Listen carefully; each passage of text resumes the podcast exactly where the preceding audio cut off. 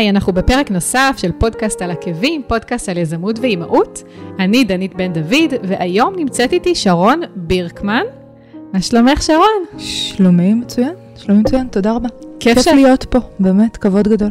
איזה כיף, כיף שאת פה, ממש. Uh, אני אציג אותך. Uh, קודם כל אני אגיד שאת מוכרת להרבה אנשים כהאישה שהפסיקה לקנות. אה, שאת עוסקת במחקרי צרכנות מהפן הסוציולוגי, ואת עובדת עם אנשים ומסייעת להם לקבל שליטה על החיים שלהם.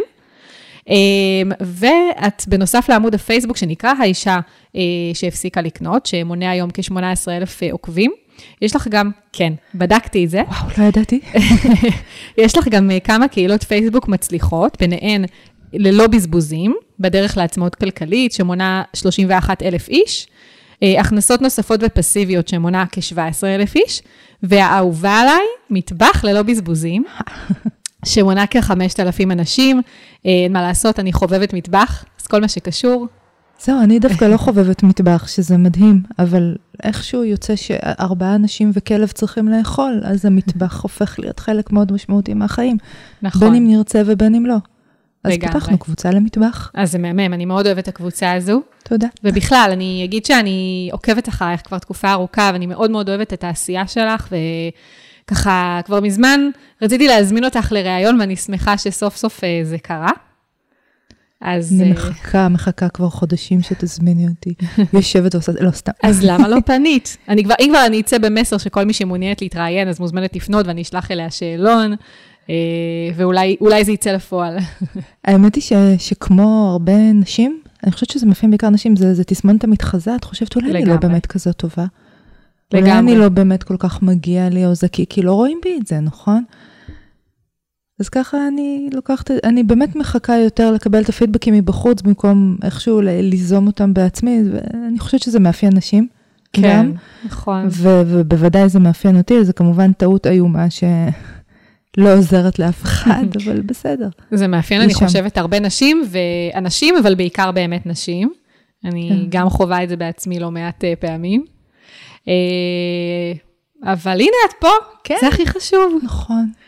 אז uh, אני אגיד רק, אני אציג את החסות של הפודקאסט לפני שככה נתחיל, ותספרי ככה על הפעילות שלך ואיך uh, הגעת לעסוק בזה. Uh, אני אציין שהפודקאסט הוא בחסות אודיו בריין.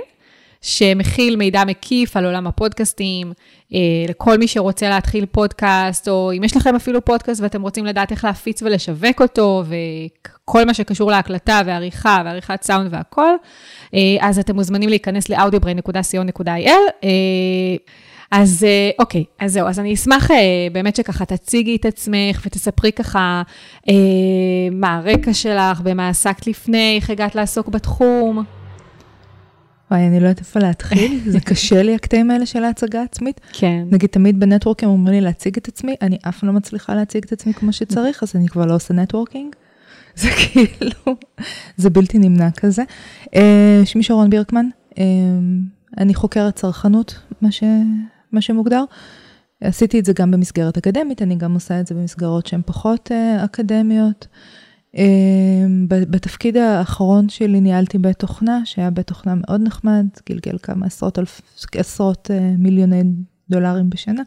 זה היה תפקיד מאוד מאוד נחמד, צמחתי בהייטק, הייתי סמנכ"ל ספורט מגיל מאוד צעיר. אמ, ובסופו של דבר עזבתי לא כי רציתי לעזוב, אלא כי התפקיד השתנה, כלומר הם החליטו להעביר את מרכז הפיתוח לבולגריה, והציעו לי לעבור, היו לי אז ילדים שהיו די קטנים, אבל בלי קשר, אף אחד לא רוצה לחיות בבולגריה, אני חושבת. ו- ואז החברה הציעה לי איזשהו קונספט נורא מהפכני, היא אמרה, ילדים והמשפחה יחיו בפריז, ואת תראי אותם פעם בשבוע. חשבתי שזה לא דרך להחזיק משפחה. מה זאת אומרת, שהם יחיו בפריז ואת תהיי איפה? ואני אהיה בבולגריה, ואני אחזור בסופי שבוע לראות אותם אה, ולהגיד מה נשמע. אז למה שלא יחיו בארץ ותהיי בבולגריה? זה יותר קצר, או שאת יודעת מה, אפילו אותו דבר, שעתיים טיסה? אני לא יודעת. איזה מוזר, איזה הצעה מוזרה. זו הייתה הצעה מאוד אפקטיבית מבחינתם, מפני שהם רצו לחסל את הפעילות בארץ. זאת אה, אומרת, זה היה מאוד אוקיי. אפקטיבי. אבל אני לא חושבת שככה מגדלים משפחה. זאת אומרת, יש איזשהו... הרבה מדברים על ה-work-life אה, balance הזה. זה הכי לא בלנס שיש, זה באמת באופן מובהק לבחור את העבודה. עכשיו, לא תגידי שזה איזשהו סוג של אה, חברת ענק שיש לי איפה להתפתח בה, לא, הגעתי כאילו לטופ של החברה, לאן עוד יש לי להתפתח? פחות התאים לי. פחות התאים לי, וגם לא חשבתי שתהיה לי איזושהי בעיה תעסוקתית אחרי זה. זאת אומרת, הייתי בטוחה שאני יוצאת, ואני יודעת מה אני עושה, ואני יודעת מה אני שווה, וזה. ושבסופו של דבר לא תהיה לי שום בעיה למצוא עבודה חדשה. התברר שזה לא נכון, התברר שהעובדה שיש לי ילדים היא נורא מטרידה, למרות ששוב, זה היה, ילדים שלי היו אז בני נגיד שמונה ותשע או משהו כזה, זאת אומרת, לא קטנים. כן. לא משהו שאת צריכה לרוץ לגן, בטח לא משהו יונק. כן. שום דבר, אבל פתאום זה נהיה אישיו נורא גדול. איך תוכלי לתפקד בכזאת uh, סביבה שבה uh, צריך לעבוד הרבה שעות כשיש לך ילדים? זו שאלה שלעולם לא ישאלו גבר, וזה שיקול שלעולם נכון. לא יעלה על הדעת כשמדובר בגבר. זה לא חוקי, אגב, לשאול את זה בראיונות, אבל בטח הלכו איתך בין הטיפות, זאת אומרת... ברור. לא שאלו ברור. ואז ישירות. הגעתי לאיזו יועצת תעסוקתית, גם כן אישה מאוד מאוד נחשבת, כתבתי על זה גם פוסט אצלי, ככה ב... ברטרוספקטיבה כזה, נזכרתי. וסיפרתי לה כל מה שעשיתי וכל מה שאני יודעת לעשות, ו- ו- ויש לי כמה וכמה תארים גם, זאת אומרת, אני לא, אני לא באה בלי השכלה. והיא הסתכלה עליי ואמרה, אין לך שום דבר לתרום לשוק התעסוקה. מה? בת אישה בת היית? 32, מה? ואין לי שום דבר לתרום לשוק התעסוקה, כי מסתבר שאני unwanted, שהכישורים שלי, שסט הכישורים הספציפי שלי, שההשכלה הספציפית שלי היא לא מעניינת. למרות שהיית כבר עם שני תארים, אמרת בכלכלה, נכון? כלכלה ומדעי התנהגות ומשפטי. טוב, דווקא נשמע לי שאת אם כבר over qualified. את יודעת, בהגדרה של... אה, בהגדרה של אה, כל מיני משרות, כן. כמו עוזרת אישית וכאלה, שאגב, באיזשהו שלב גם ניסיתי להתקבל לדברים האלה, כי, כי את רוצה לעבוד בסופו של דבר. כן. אז אמרו לי, את over qualified, ואת כבר מבוגרת, ואיך תתחילי Oh מתפקיד God. כזה קטן. 32 זה כאילו שיא ה... וב-35 אני לא יכולה לעשות את זה, וב-40 אני לא אוכל לעשות את זה. באמת, לא מדובר פה באיזה משהו שהוא רגיש לגיל. בסופו של דבר, האנגלית שלי ברמת שפת אם, באמת ברמת שפת אם, זאת אומרת, אני מדברת בה בחופשיות, אני כותבת בה בחופשיות, אני עורכת מגזינים בשפה הזאת בחופשיות. וואו. ו- וזה באמת הגיע לאיזשהו מצב מגוחך, אני לא חושבת שזה היה שילוב כזה של, של אימהות ונשיות והכל ביחד, והתחום שבו הייתי, שפשוט הראו לי את הדלת ואמרו לי, את לא רצויה בשוק התעסוקה. וא', זאת חוויה מאוד אה, מאמללת, באמת באמת חוויה מאוד מאוד מאמללת, אני לא מאחלת אותה לאף אחד. וב', את מתחילה לשאול את עצמך, מה אני יודעת לעשות? מה אני יכולה לעשות? כמה זמן, דרך אגב, היית בכל המצב הזה שבעצם הלכת וחיפשת עבודה ושמעת לא, לא, לא? עד 2012. כאילו כמה זמן, חודשים או... לא, לא, לא, אני מדברת על שנים. על אני מדברת שנים? על כמה שנים טובות ש... שפשוט שמעתי לא על גבי לא על גבי לא. אז מה עשית בזמן שבשנים הזה? האלה יצאתי לעצמאות, הייתה לי ברירה. אני קוראת לזה נפלטו לעצמאות. עכשיו, הקטע הזה של להיפלט לעצמאות זה קטע מאוד נשי. זאת אומרת, גברים לא נפלטים לעצמאות, הם יוצאים לעצמאות. נכון. וואו, הם לא עושים חשבתי על את זה זה אף במודע. פעם. נשים נפלטות, כי פתאום זה לא מעניין, והן צריכות להתפרנס, והן צריכות לעשות משהו, והן צריכות איכשהו להכניס את הכסף, ואם הן לא מצליחות למצוא עבודה כשכירות, הן יוצאות לעצמאות. לא כי הן רוצות. אה, לא, זאת אומרת, כמובן שלא כולן, אבל יש כאלה שבאמת אה, פשוט לא מצליחות למצוא בדיוק, עבודה. הן לא מצליחות פשוט כי הן למצוא. אימהות. כי או כי הן אימהות, או כי אמרתי לך, או כי הן סתם נשים. כן, כן, נשים. סתם וואו. נשים. ואז פלטתי את עצמי לעצמאות, עשיתי מגזינים, הייתה לי מיומנות קודמת ב- במגזינים.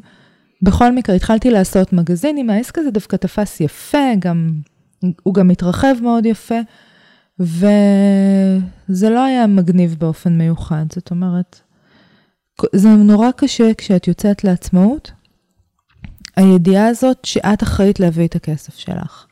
כן. יש בזה משהו פחות שקט. עכשיו, אם התחלת מזה מגיל כלום, ו- ואת תמיד היית עצמאית, אז את, את יודעת להתמודד עם זה, אבל אני אף לא הייתי שם.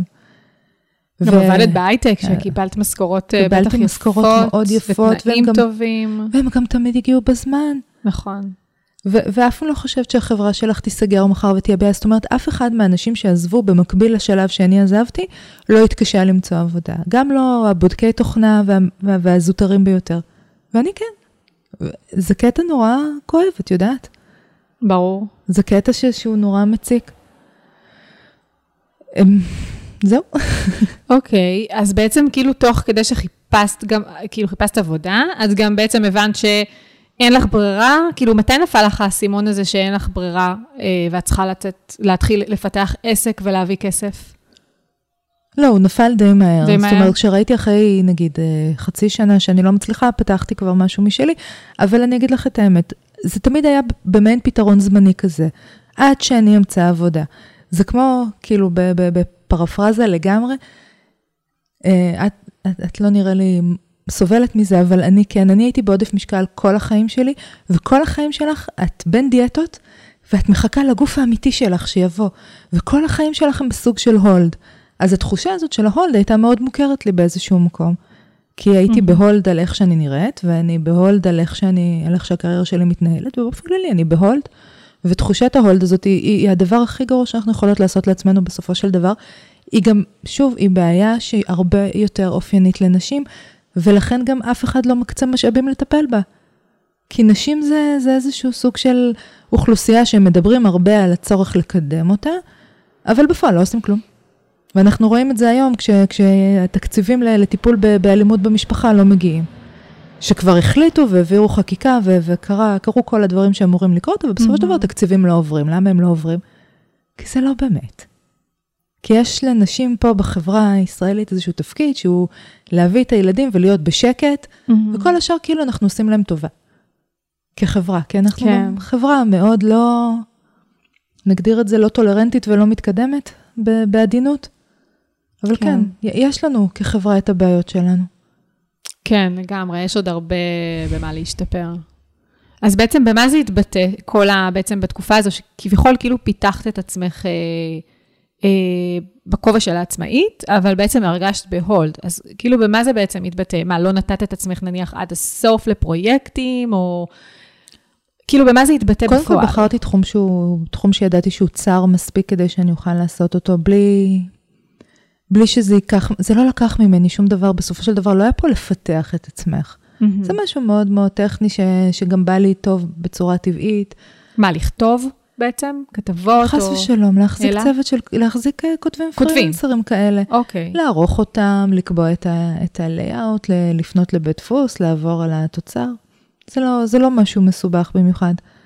יש בארץ אוקיי. די הרבה חברות של מגזינים, אבל כשמדובר על כל מיני חברות כאלה, החברות שאני עבדתי מולן לפחות, אלה חברות די קטנות בחו"ל.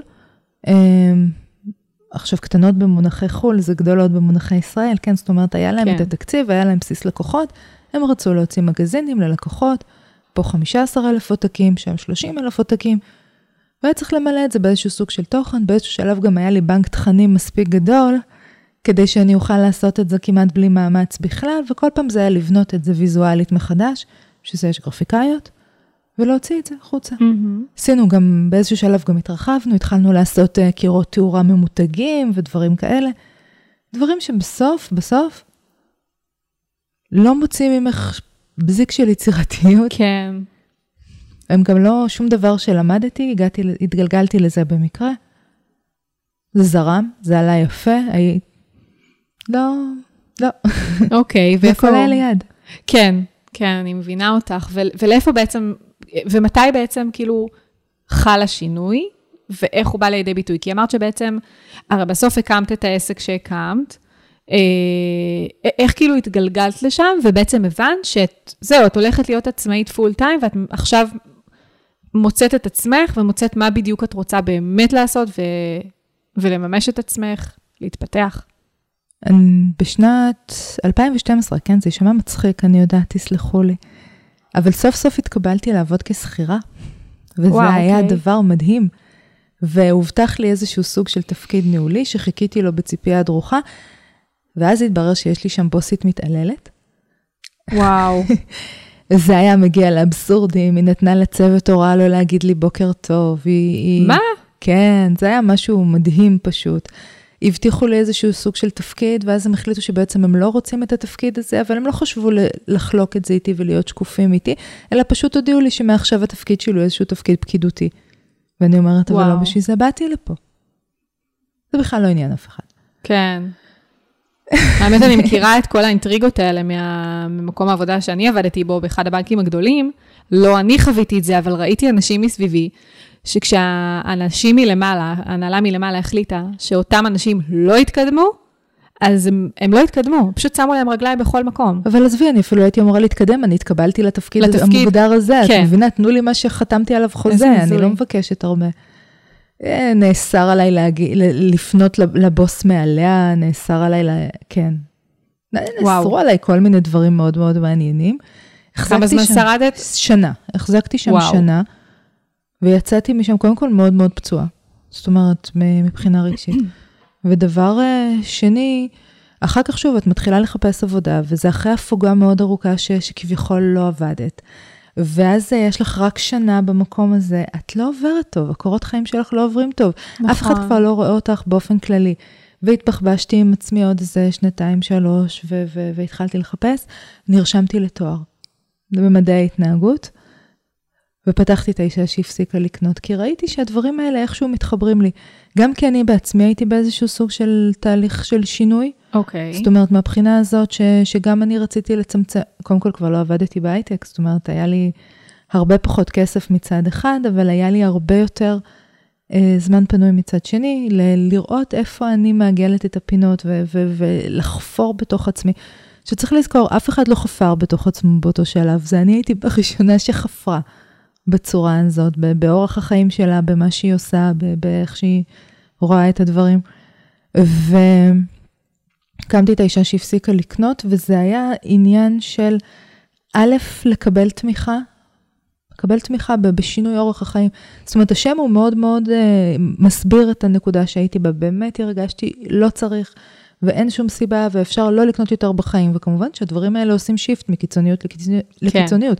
זאת אומרת, את עוברת מלקנות כמו מטורפת בהייטק, ללא לקנות בכלל כמו... כאילו אנחנו עכשיו בתקופת האבן, ואיפשהו בסוף אנחנו מוצאים איזשהו סוג של balance. אני חושבת כן. שהיום אני שם. אמ, זה מצד אחד. וככה, ה- אחרי, אני חושבת שכשהיו לי, היה, היו לי אנשים שם מאוד מאוד מהר. זאת אומרת, אני זוכרת שאחרי שלושה ארבעה ימים פתחתי את העיניים והיו שם 800 איש, ואחרי עוד כמה ימים היו שם אלף איש. רגע, שנייה, לפני שנגיע לאישה שהפסיקה. את בעצם עזבת את, ה, את מקום העבודה הזה שלא היית מרוצה, לא היית מרוצה זה בו. לא הייתי מרוצה, התעללו בי. כאילו, מן הסתם. זאת אומרת שהיה, ממש התאכזר אלייך. ומפה ועד בעצם האישה שהפסיקה לקנות, שפתחת את בעצם העמוד שפתחת, כאילו, מה קרה בדרך? אה, לא קרה שום דבר, חזרתי לעשות מגזינים. חזרת לעשות מגזינים, חזרתי לעשות מגזינים, לא הייתי, והלכתי ללמוד. והלכת ללמוד. ו- ואיפה בא השינוי הפנימי הזה? כרגע אני פחות מדברת על האישה שהפסיקה לקנות, אלא כאילו, כאילו כ- כעמוד פייסבוק, אלא כ- כאת, כשרון. כאילו, איפה היה שין- התהליך הזה של באמת הפ- הפסקת לצרוך כל כך הרבה, למקום שאת מפסיקה? זהו, זה מה שאמרתי, היה לי פשוט הרבה פחות כסף, הרבה יותר זמן אוקיי. פנוי לחפור בעצמי, וגם רצינו לקנות דירה. אוקיי, בסדר, אוקיי. רצינו חשוב, לקנות כשיש דירה. לך מטרה מול העיניים, אז את מצמצמת. גם, להגיע. גם, אבל העניין הוא שרצינו לקנות דירה, הייתה לנו כבר דירה, זאת אומרת, היא הייתה שלי, קניתי אותה אוקיי. כשאני הייתי, כשהתחלתי, כשנכנסתי לשוק התעסוקה. נכנסתי גם כן בתפקיד אה, יחסית בכיר, כי, כי התחלתי לעבוד באיזו חברת הייטק, ואיזו הייתה בוע- הבועה מאוד גדולה, אז כשהתחלתי התקדמתי מאוד מאוד מהר, זאת אומרת, שתוך חודש כבר הייתי סמנכ"ל. וואו. לא היה אף אחד. לא היה אף אחד שיעשה, יאייש את הפונקציה. במקום לחפש, היה להם מישהו in-house, נתנו לו. כן. זה היה לפני שהבועה התפוצצה. בוודאי. כן. זה היה בשלב שעוד הסכימו לשלם לילדים בני 20 משכורות מפ- מפוארות מאוד. מאוד. אוקיי. אז הייתה לנו דירה. שאני הבאתי, והוא הביא איזשהו סוג של אה, תיק השקעות מאוד יפה, והוא אמר, בעצם למה שלא נקנה את הדירה במזומן? וואו, וזה שאפתני. קונספט מאוד שאפתני, כי זה אומר מאוד. שהיינו צריכים לצמצם את ההוצאות בצורה מאוד דרסטית. מה הוא עושה דרך אגב, בן זוגך? הוא מתכנת. ואני לא אה, אגיד אוקיי. הייטקיסט, מפני שהייטקיסט זה יזם והוא לא יזם. הוא באמת אוקיי. מתכנת, הוא איש מאוד מוכשר בהרבה מאוד תחומים, גם תכנות הוא אחד מהם. באיזשהו שלב הוא החליט על איזשהו שינוי קריירה ורצה לכתוב אה, מערכונים ודברים כאלה, וגם בזה הוא הצליח, מהמם. שזה קטע מגונה.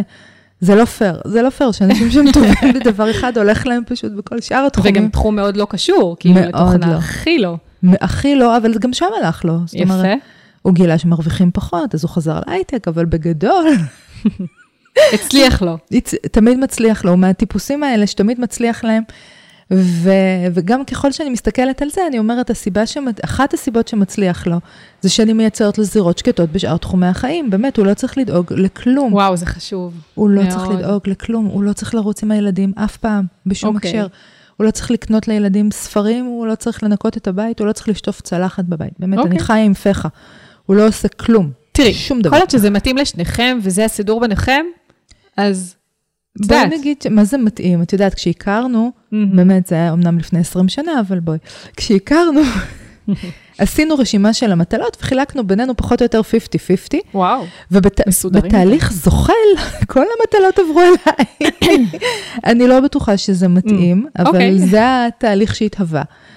ואני חושבת, וכשמסתכלים על זה, את יודעת, באיזושהי הסתכלות יותר אה, אנתרופולוגית לצורך העניין, את רואה שזה זה רכיב מאוד מרכזי בהצלחה בחיים, היא העובדה שבאמת הדברים הם לא עליך.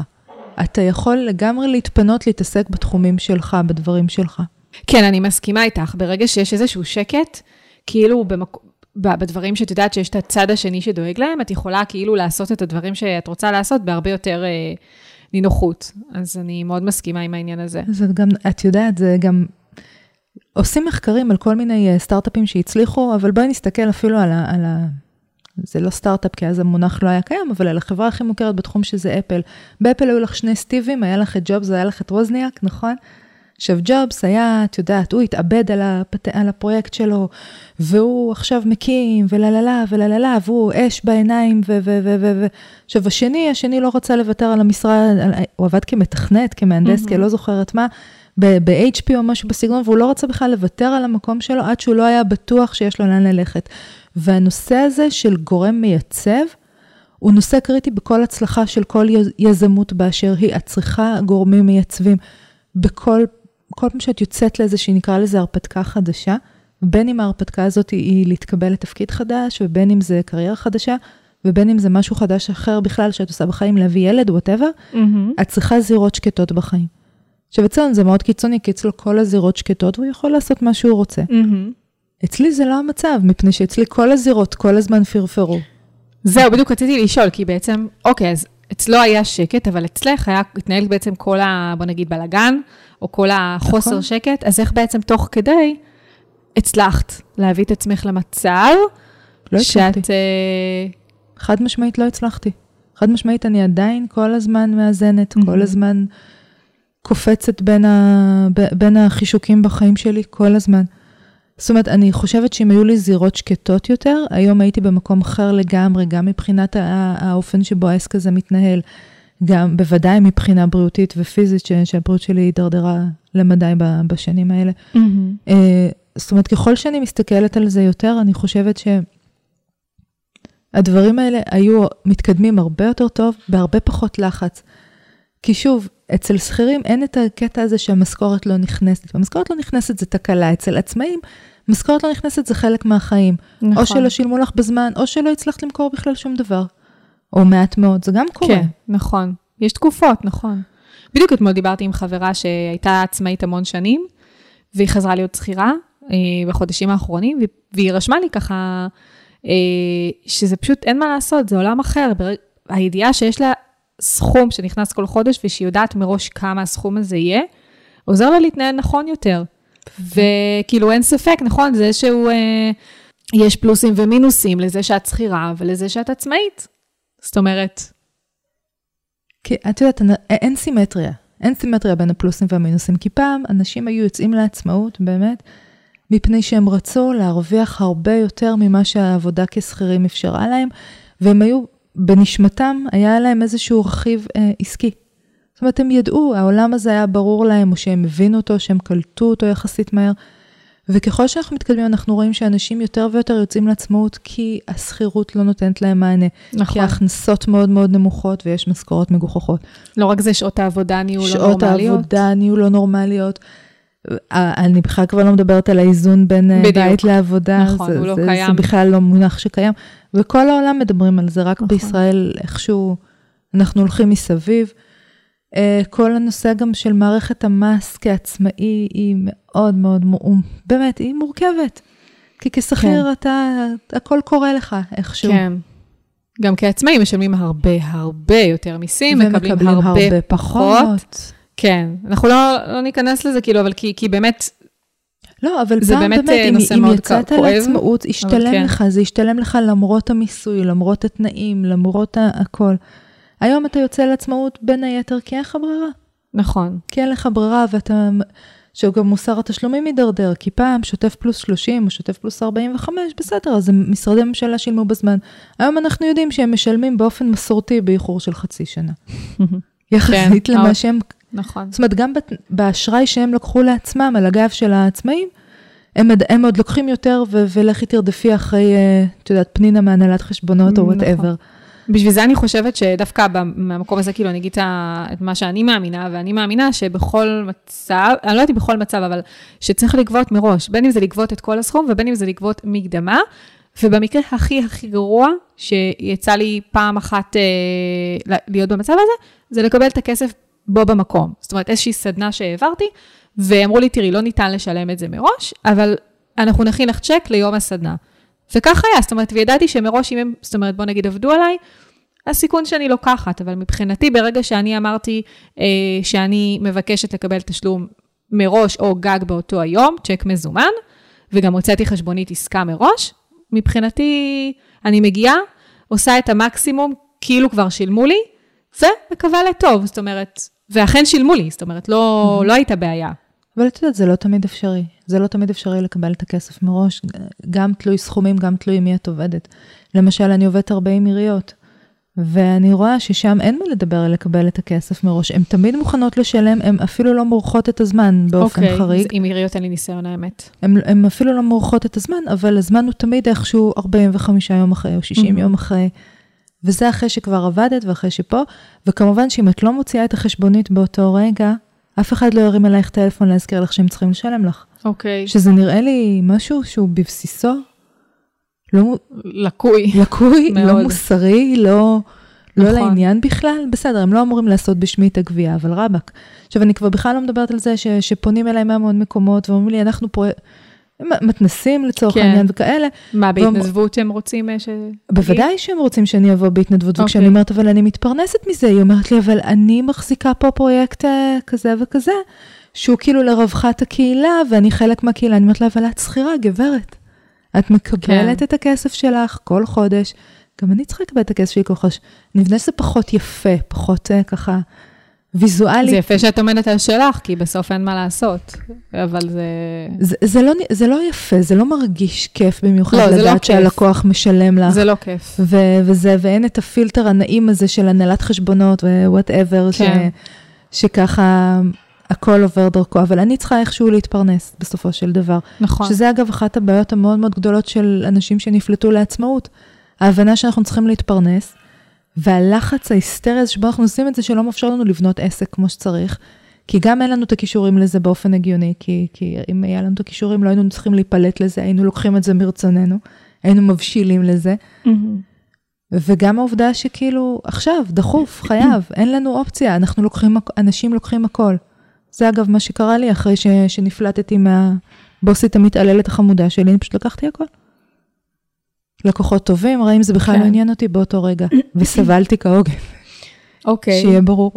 אז זהו, אז בואי נחזור באמת ככה ל- לאיך בנית בעצם את, ה, את המותג של אה, האישה שהפסיקה לקנות, ובכלל את העסק, כי גם דרך אגב, כשאני פרסמתי שאת מגיעה להתראיין, אז קיבלתי המון תגובות, אה, וואו, שרון היא ההשראה שלי, ואיזה כיף, ובאמת, כאילו קיבלתי פידבקים ממש, שאת בנית כאן משהו שהוא, שהוא מדהים, ואנשים באמת מסתכלים עלייך, ומסתכלים עלייך בהערכה, ו, וכהשראה. אז, אה, אז, אז איך בעצם זה הגיע מהמקום שנפלטת ואת צריכה עכשיו להתחיל, אה, את יודעת, לבנות עסק, למה שהגעת היום? הדף לא הגיע מהמקום של אני צריכה לבנות עסק, הוא הגיע ממקום של אני צריכה תמיכה. כן. ואני רוצה לספק, אני רוצה גם לספר קצת, את יודעת, בדף.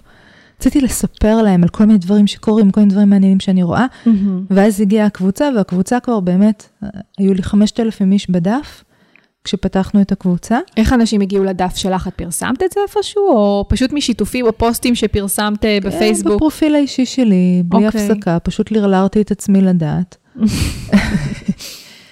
לא, לא הייתי איזה מובילה אדירה ב... כש... כשפתחתי את הדף. היה לי בלוג נעליים לפני זה, עם אלפיים לייקים, מדליק. משהו כזה. כן. ש? כאילו, זה היה מתוך מטרה עסקית, חשבת כאילו, לא. סוג של חיפשת את עצמך, או סתם אה, לא, אני פשוט? נורא אוהבת נעליים. אה, אוקיי. בסדר גמור, לגיטימי. בן אדם אוהב נעליים, זה קורה, אני חושבת שכולנו אוהבים, בכלל, נשים בעודף משקל, שגדלו כמו שאני גדלתי, אז גדלנו באיזושהי הבנה ששום דבר לא ייראה עלינו יפה, זה כבר ברור, זה לא כמו היום שיש באמת תעשייה מאוד גדולה והכל מאוד מאוד יפה, ו- ונשים נראות נפלא באמת בכל המידות, לפחות אה, במידות 40 פלוס, זה בוודאי.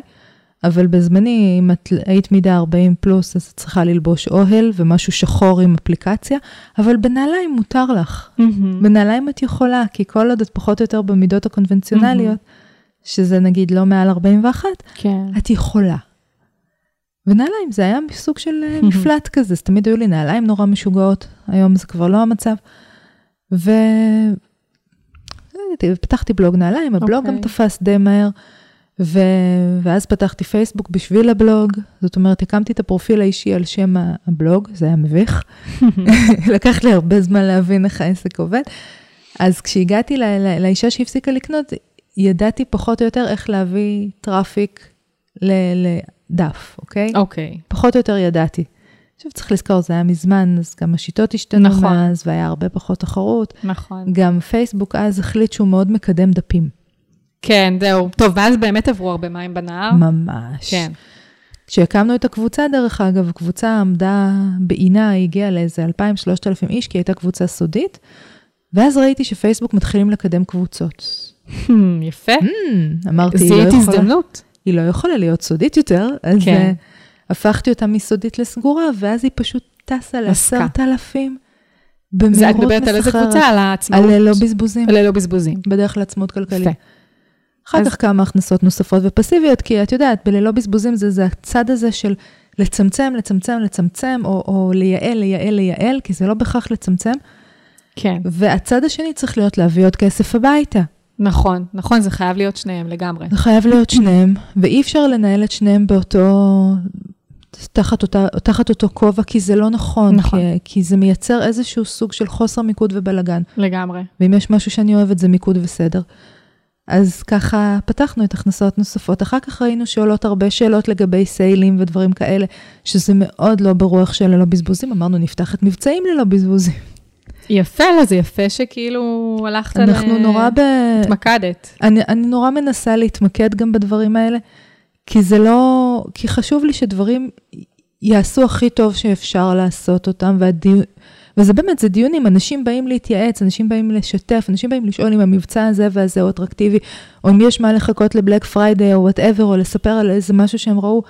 חשוב שזה לא ילך לאיבוד, חשוב שהקהל שרואה את זה באמת יתעניין בזה, נכון. וזה לא יפגע לו בנקודה שבדיוק הוא משתדל להיגמל מה... וואו, לגמרי. מהצרכניזם, ו- ועכשיו זורקים לו את זה בפרצוף. חשוב מאוד שהדברים האלה יעשו אחרת. יפה. מטבח, אגב, זה אותו דבר. זה אותו דבר, זה, זה משהו מאוד מאוד ממוקד, זה משהו שחוזר על עצמו בתדירות גבוהה. כן. אנשים מאוד מאוד נאבקים בתקציבי האוכל שלהם. ובמטבח יש כל מיני, את יודעת, אה, טוויקים כאלה, אפשר למשל להכריז על יום ה... ה... שמשתפים מתכונים עם איזשהו מרכיב, מתכונים מאוד חסכוניים, מאוד קלים, כי הם צריכים להיות גם חסכוניים בזמן. זאת נכון. אומרת, זה כל הקטע. נכון, כל לגמרי. הקטע הוא ש, שלא, כי, כי קשה לנו, יש לנו מעט משאבים, מעט כסף, מעט, בעיקר מעט זמן.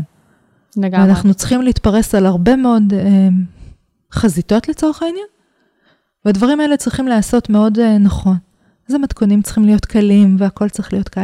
ממרכיבים פשוטים. ממרכיבים כן. פשוטים, כן, אני מאוד לא, אוהבת את הקבוצה. הזו. לא, באמת, זה, זה הורג אותי שאת צריכה ללכת לחפש איזשהו תבלין נישתי, שמחזיקים אותו רק בחנות בגליל. די, תעזבו אותי באימא שלכם. לא רוצה, לא רוצה. אני גם לא חושבת שצריך צי של 38 סוגי תבלינים בבית, כן? אנחנו לא נשתמש בזה בסוף. בסוף אנחנו חוזרים תמיד לאותם חמישה, שישה קבועים. נכון, לגמרי. אז בשביל מה? בשביל מה? תחסכו ממני, תחסכו מעצמכם. זה לא, זה לא נחוץ.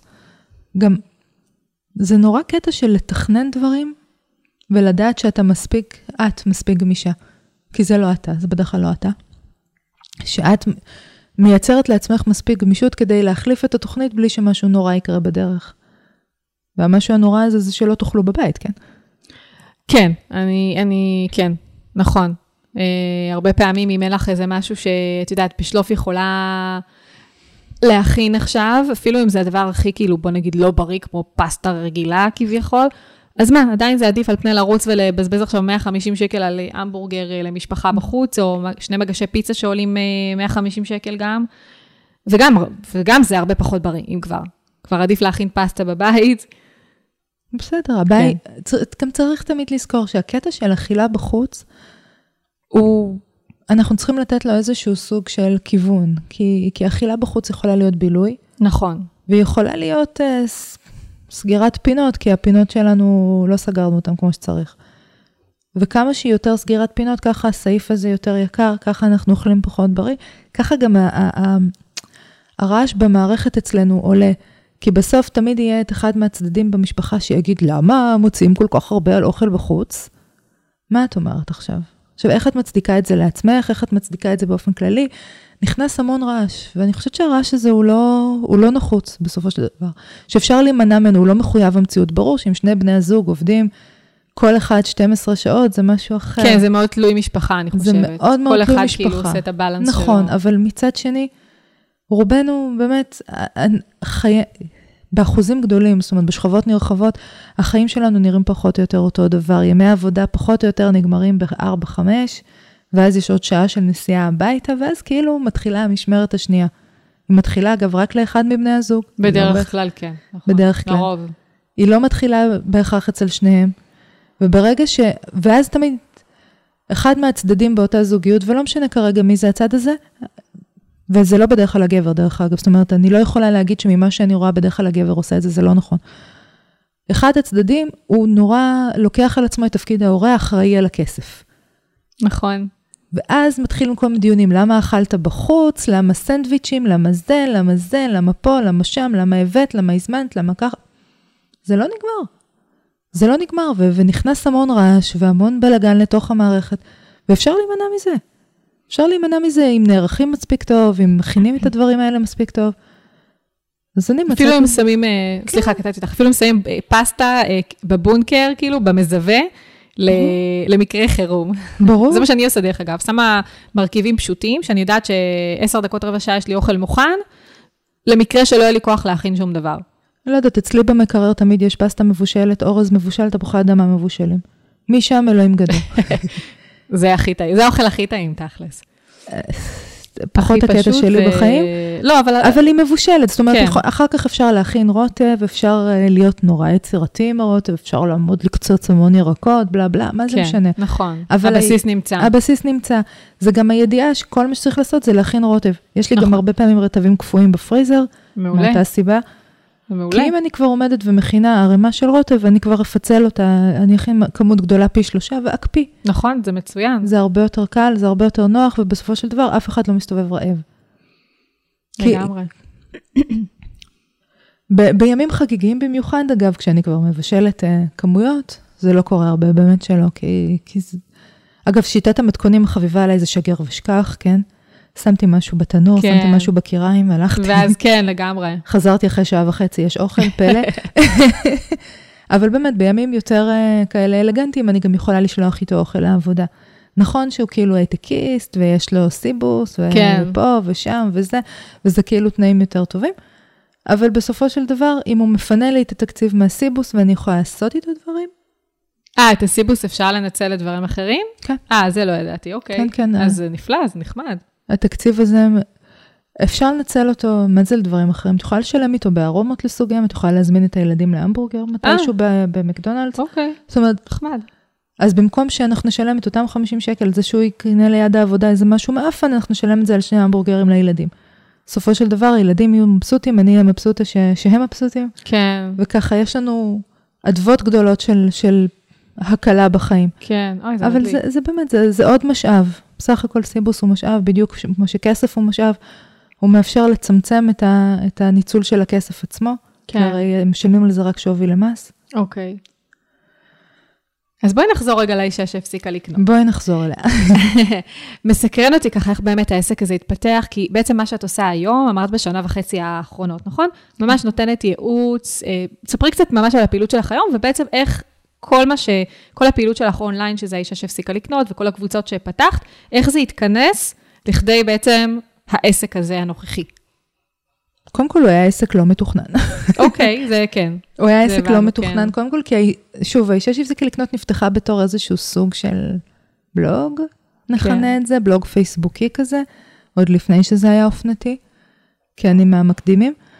ו, וזה תפס, ואז הקבוצות התחילו, ובקבוצות אה, איכשהו הגענו למצב שיש לנו נגיד 3,000-4,000 איש, והם כזה הסתכלו עליי בתור אוטוריטה והתחילו לשאול, תגידי, את גם עושה הרצאות? אני כזה, לא. אה, אמרת לא בהתחלה? אמרתי לא בהתחלה, ואחר כך, את יודעת, בפעם המיליון שעשיתי קיר תאורה עם uh, תמונות של קרם פנים, אז חשבתי בעצם, למה לא? כן. למה לא? אז אמרתי, בואו, אני עושה הרצאה, ההרצאה עלתה אז 49 שקלים, ונרשמו המון המון המון אנשים. איפה עשית אותה? זאת אומרת, סגרת מקום, הזכרת מקום? כן, שכרתי איזשהו מקום קטן. היו לי בהרצאה הראשונה, אני חושבת, 20-25 איש, שזה נראה לי המון באותה תקופה. כן, זה יפה. לפעם ראשונה, זה יפה לפי דעתי. זה תמיד הקהל הכי חם שמגיע בפעם הראשונה, נכון. היית מצפה שיגיעו אלפיים איש, אבל לא. אה, אוקיי. כאילו, הייתה לך ציפייה שזה יהיה יותר לא, בגלל לא, שהיה... לא, לא, לא, הייתה לי שום ציפיות, לא היו לי ציפיות אה, בכלל, לא לא חושב... אמרתי לך, אני כל הזמן עם התסמונת המתחזה הזאת, אני כל הזמן בטוחה שאף אחד לא רוצה לבוא, ואף כרטיס לא יימכר, ושום דבר לא יצליח פה. אני כל הזמן ב... באיזושהי תחושה של, של הכל פה מקרי, ואנחנו תכף, אני תכף מתעוררת מזה, ו- ומגלה ש- שזהו, שאף אחד לא, לא מכיר אותי, לא יודע מי אני, לא אוהבתי בכלל, ובעצם הכל זה בולשיט וזה בראש שלי. אז כאילו, מאוד הופתעתי שאנשים באו באופן כללי, מהמם. ואז עשיתי עוד הרצאה, ועוד פעם הגיעו. ובאיזשהו שלב התחלתי לבנות את זה. אה, בהתחלה בניתי את זה כמשהו באמת מאוד, אה, מאוד טכני, איך לעשות אה, תקציב, איך פה, איך שם. ובהדרגה קלטתי שחסרים לי שם דברים. עכשיו, ההדרגה הזאת באה עם עלייה במחירי הכרטיסים. בסדר גמור, זה חשוב, זה חלק מהתהליך. זה גם חלק מהתהליך, וגם אני חושבת שלדעת איך לבנות תקציב זה מיומנות, מיומנות מצוינת, אבל להבין מה עובר לך בראש זה חומר ששווה כסף. באמת, זה חומר שבאמת שווה כסף. וזה התפתח ל- לאיזשהו סוג שהוא חצי, שיש לו חלק היסטורי וחלק רגשי וככה, הרבה אופציה לאוורר את, אה, את, אה, את אה, פצעי הנפש שלך. ולהבין איך, זה, איך אתה קונה את עצמך כדי להיות שמח, איזה סיפור, איזה סוג של סיפור את מספרת לעצמך כדי לאפשר לעצמך להמשיך לקום בבוקר, איך השחיקה הזאת משפיעה עלייך, איפה המנגנונים שלך, כביכול מנגנוני ההתנגדות, למרות שזו לא התנגדות לתרבות הצריכה, איפה הם נחלשים ואת נכנעת, שוב, הכל במרכאות, כי זה לא נכון, את לא נכנע, אנחנו לא נכנעים, אנחנו חיים בתוך זה. נכון. ויש כל מיני אסטרטגיות להתמודדות. איזה צד, מי מחליש אותי כשאני מנסה להתמודד עם, כשאני מנסה לשנות את החיים שלי, הרבה פעמים זה, זה משפחה קרובה, דרך אגב. אימא שלי, למשל, מאוד מאוד לחצה עליי כל השנים לקנות ולקנות ולקנות, והיא הייתה, מה לקנות? whatever, לא משנה מה? לא לקנות? משנה מה, היא אמרה לי, את צעירה, את צריכה לקנות. וככה גדלתי, אוקיי, וואו. וככה גדלתי, כי הם הגיעו, את יודעת, מהקומוניזם, ולהם לא היה כלום. כן. אז הם פיצו את עצמם פה, ופיצו את עצמם, את יודעת, גם פה לא היה כלום כשהם הגיעו בשנות ה-70. נכון. כאילו באיזשהו מקום, בסופו של דבר, רצתה פשוט שיהיה לך טוב, היא חשבה שזו הדרך. כי לה לא היה את זה. נכון, כן. אבל גם, את יודעת, מכיוון שאני לא הייתי במצב של, את יודעת, להסתכל על זה בצורה הזו, בכל זאת הייתי צעירה מאוד, כשהיא התחילה עם הדבר הזה. אני לקחתי את זה כאיזשהו סוג של אה, מנטרה לחיים, צריך לקנות, כן, צריך, כן. צריך. ו- ו- ומפני שזה לא התאים לי מבחינת מבנה האישיות שלי, זאת אומרת, כי אני מגיל מאוד צעיר הייתי מאוד, מאוד אהבתי לעשות השוואות מחירים ולחפש אה, אלטרנטיבות לקניות ודברים כאלה, זה באמת משהו שמאוד מאוד נהניתי ממנו מגיל מאוד צעיר. אז כל הזמן הייתי כאילו בתחושה שאני לא בסדר, אני מאכזבת את אימא. וואו. וזה נורא קשה לחיות ככה. ממש. ממש. זה לא, זה לא איזשהו סיפור נורא זוהר כזה על, על מצאתי את הדבר שאני הכי אוהבת, שתמיד ידעתי שאני אוהבת לעשות. תמיד ידעתי שאני אוהבת לעשות, ו- ואף לא היה לגיטימי לי לעשות אותו. והנה פתאום זה נהיה לגיטימי. וואו, אז איך אימא שלך, זו שאלה מתבקשת, אז איך אימא שלך הגיבה כשהתחלת, את יודעת, השיח הזה של האישה שהפסיקה לקנות, ו... זה קשה. קשה? בהתחלה היה לה קשה, כולם ידעו שהילדה קמצנית. וואו. כולם ידעו שהילדה לוקחת יד שנייה ו- וממחזרת uh, קופסאות ו- ולא יודעת מה, זה ממש היה לה מאוד מאוד קשה. ואז, uh, ואז הופעתי כמה פעמים בטלוויזיה. עכשיו, תמיד הביאו אותי לטלוויזיה גם כן על תקן הפריק שואו. הזאת שלא קונה, הזאת שלא רוצה. אז מה את אומרת? אנחנו צריכים לשטוף את הצנצנת של המיונז? א', כן, תשטפו, לא יקרה לכם שום דבר. ב', מה אכפת לכם? לא רוצים, אל תשטפו. כן, האמת שבאמת רציתי לשאול אותך בעקבות זה, באמת איך זה מתבטא, כאילו התרבות צריכה שהייתה לפני שהתחלת, את כל, את כל ה, באמת את השינוי התודעתי, או יותר נכון, אה, ממש בפועל להביא את הדברים שתמיד רצית לעשות. אה, איך זה בפועל, כאילו, באמת ביום-יום? אז זה למשל, כמו שהתחלת להגיד, אמרתי יד שנייה למשל, מחזור של כל מיני... אה, זהו, יש לי, יש לי הרצאה מאוד uh, מקיפה שאני מעבירה אותה, אני, היא דווקא אחת ההרצאות שיותר הולכות, הולך לי איתם אוקיי. איכשהו. נשים קישור אה, להרצאה ב... אין לי, בפרק. אין קישור כרגע. אה, אין קישור? אוקיי. כי כרגע אני מרצה רק במקומות סגורים, אז זה פחות... אה, אוקיי. זה. והיא מדברת על אלטרנטיבות לקנייה. עכשיו, הקטע הוא שאנחנו... אנחנו, אני מדברת שם על, על כל התהליך של איך אנחנו מחליטים לקנות משהו, שבדרך כלל אנחנו מחליטים, אנחנו לא עושים איזושהי בחינת צרכים מעמיקה. אבל יש תהליך, צריך להיות תהליך שבו אנחנו בודקים מה אנחנו הולכים לעשות עם זה, כמה זמן, לוקחים לניסיון, בודקים, מנסים את זה בשטח. לא כל דבר את יכולה להתנסות בשטח, כן, אבל יש דברים שאת כן. רוצה להתנסות, וזה לא בהכרח אם זה משהו יקר מדי או, או זה, אבל איך אנחנו מתנס... איך אפשר להתנסות בדברים כדי לראות האם זה משתלב לך בכלל בדפוסי החיים, ואם כן, האם אני אבחר אה, לנסות לקחת מיד, ש- זאת אומרת, לנסות לקחת מיד שנייה, כי אין באמת חשיבות לחדש, או שאני אנסה לקנות עם חברים כדי שנוכל לחלוק את השימוש, שזה גם רלוונטי. נכון מאוד. למרות שאנשים בכלל לא חושבים על זה. או שבאמת אני אצעד לחנות ואקנה חדש, ואם אני כבר צועדת וקונה חדש, אז איך אני מוזילה את העלויות על זה? זאת אומרת, יש פה איזשהו תהליך שלם שהוא מאוד מאוד מרובד בסופו של דבר, ואנשים לא, אנחנו לא, אנחנו לא עוברים אותו, אף פעם. אנחנו עוברים מ, אין לי, לחנות. אין שום כן. בחינה מעמיקה של כל התהליך הזה ושום הסתכלות על הצרכים, ואני לא אומרת את זה לגנותנו, אני אומרת ככה לימדו אותנו וככה הרגילו אותנו, וזה המצב שיש. אני חושבת שדווקא אבל המצב הזה מאוד הולך ומשתנה בגלל כל העניין של תנועת ההאטה, ו... בגלל ההאטה, בגלל המינימליזם, בגלל איך קוראים איכות לה? הסביבה. ש- איזושהי גורו מארי קונדו? למרי קונדו, בדיוק. אה, אה, ו- וכל מיני אה, ככה, שיח מאוד מאוד חזק שהולך בתקופה האחרונה. השיח הזה הולך ביחד עם המצב האקולוגי, הבאמת נכון. אה, לא סימפטי. נכון. אבל ש... אה, מישהי, מישהי אמרה שזה הנקודה שבה האגואיזם שלנו פוגש, פוגש בקטע חיובי כן. את הצורך החברתי היותר גדול של לצמצם את הצריכה. עכשיו צריך לזכור שהרבה שנים הצורך החברתי היה להגדיל את הצריכה. נכון. לגמרי. זה, זה מה ששיקם לנו את העולם אחרי מלחמת העולם השנייה, זה מה שעיצב אותו. זאת אומרת, היינו צריכים את זה, זה לא, איזה, זה לא התפתח כמו שזה התפתח, מפני, כי, זה, לא, כי זה היה בלתי נחוץ. להפך, זה התפתח כי זה היה מאוד נחוץ, מאוד חשוב, זה נתן לאנשים סיבה לקום בבוקר, אני לא צוחקת. יש לזה המון המון דברים ש, שהוא כן עשה טוב. העניין הוא שבאיזשהו שלב, איפשהו שם, ב- בתחילת שנות ה-90, אמצע שנות ה-90, הדברים האלה הפסיקו לעשות טוב. הם הפסיקו לעשות טוב בגלל כל מיני תהליכים שחלקם, אה, רובם פוליטיים בעצם. כן, הרבה מאוד. וזה לא פוליטיקה כמו שאנחנו חושבות, אלא פשוט החלטות כלכליות, זאת אומרת, את יודעת, החלטות רגולטוריות כלכליות שהתקבלו בגלל איזה שהם אה, מערך לחצים פוליטי וכל מיני כזה. זאת אומרת, היום אנחנו באיזשהו מצב שזה עושה רע. זה עושה רע גם לפלנטה באופן לגמרי. כללי, זה עושה רע גם לנו, כי אין לנו מספיק כסף לממן את כל היופי חי הזה, את יודעת. אין לנו מספיק. כן. ואנחנו מתחילים להרגיש אומללים, וזה מכניס המון סטרס והמון לחץ והמון, כל מיני תחושות איומות של אני, אני לא מספיק טובה ואני לא עומדת ב- בפיתויים, שזה בכלל מונח שאני לא מסוגלת לשמוע אותו.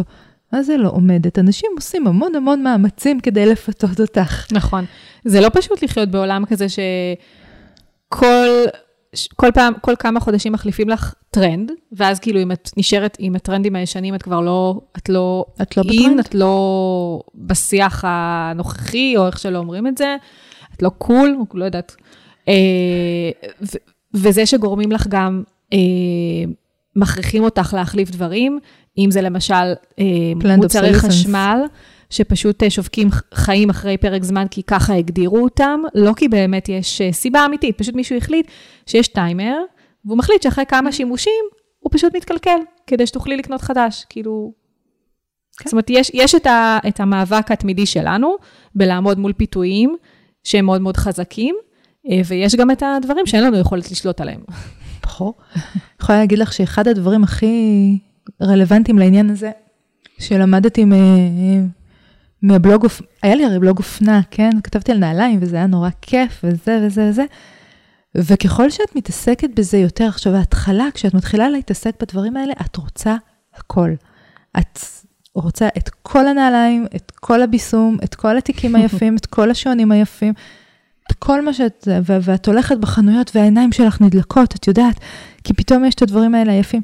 ובאיזשהו שלב, את, אני לפחות הגעתי למסקנה שאני לא יכולה להיות הבעלים של כל מה שיפה. ווואו, זאת חתיכת מסקנה, כי מרגע שאני לא יכולה להיות הבעלים שלהם, אני צריכה למצוא דרך אחרת ליהנות מהם. אז במקרה שלי זה היה לשים תמונות יפות ולכתוב כמה מילים ולראייר לי קצת בשקט במיטה. וחלק מהעניין באמת של הדסנסיטיזציה הזאת היה שהבלוג הזה היה בלוג בעדכון יומי, זאת אומרת כל יום הייתה שם תמונה של נעליים אחרות, או תיק אחר, לא משנה, למרות שהוא בעיקר היה נעליים. כל, והסיבה שעושים את זה כל יום זה כי יש כל כך הרבה יופי, כן. שאם את לא עושה את זה כל יום, את אשכרה מתחילה לרצות דברים. עכשיו, אין סיבה, בסופו של דבר אנחנו לא צריכות 30-50 זוגות נעליים, לא. אנחנו נכון. לא נשתמש.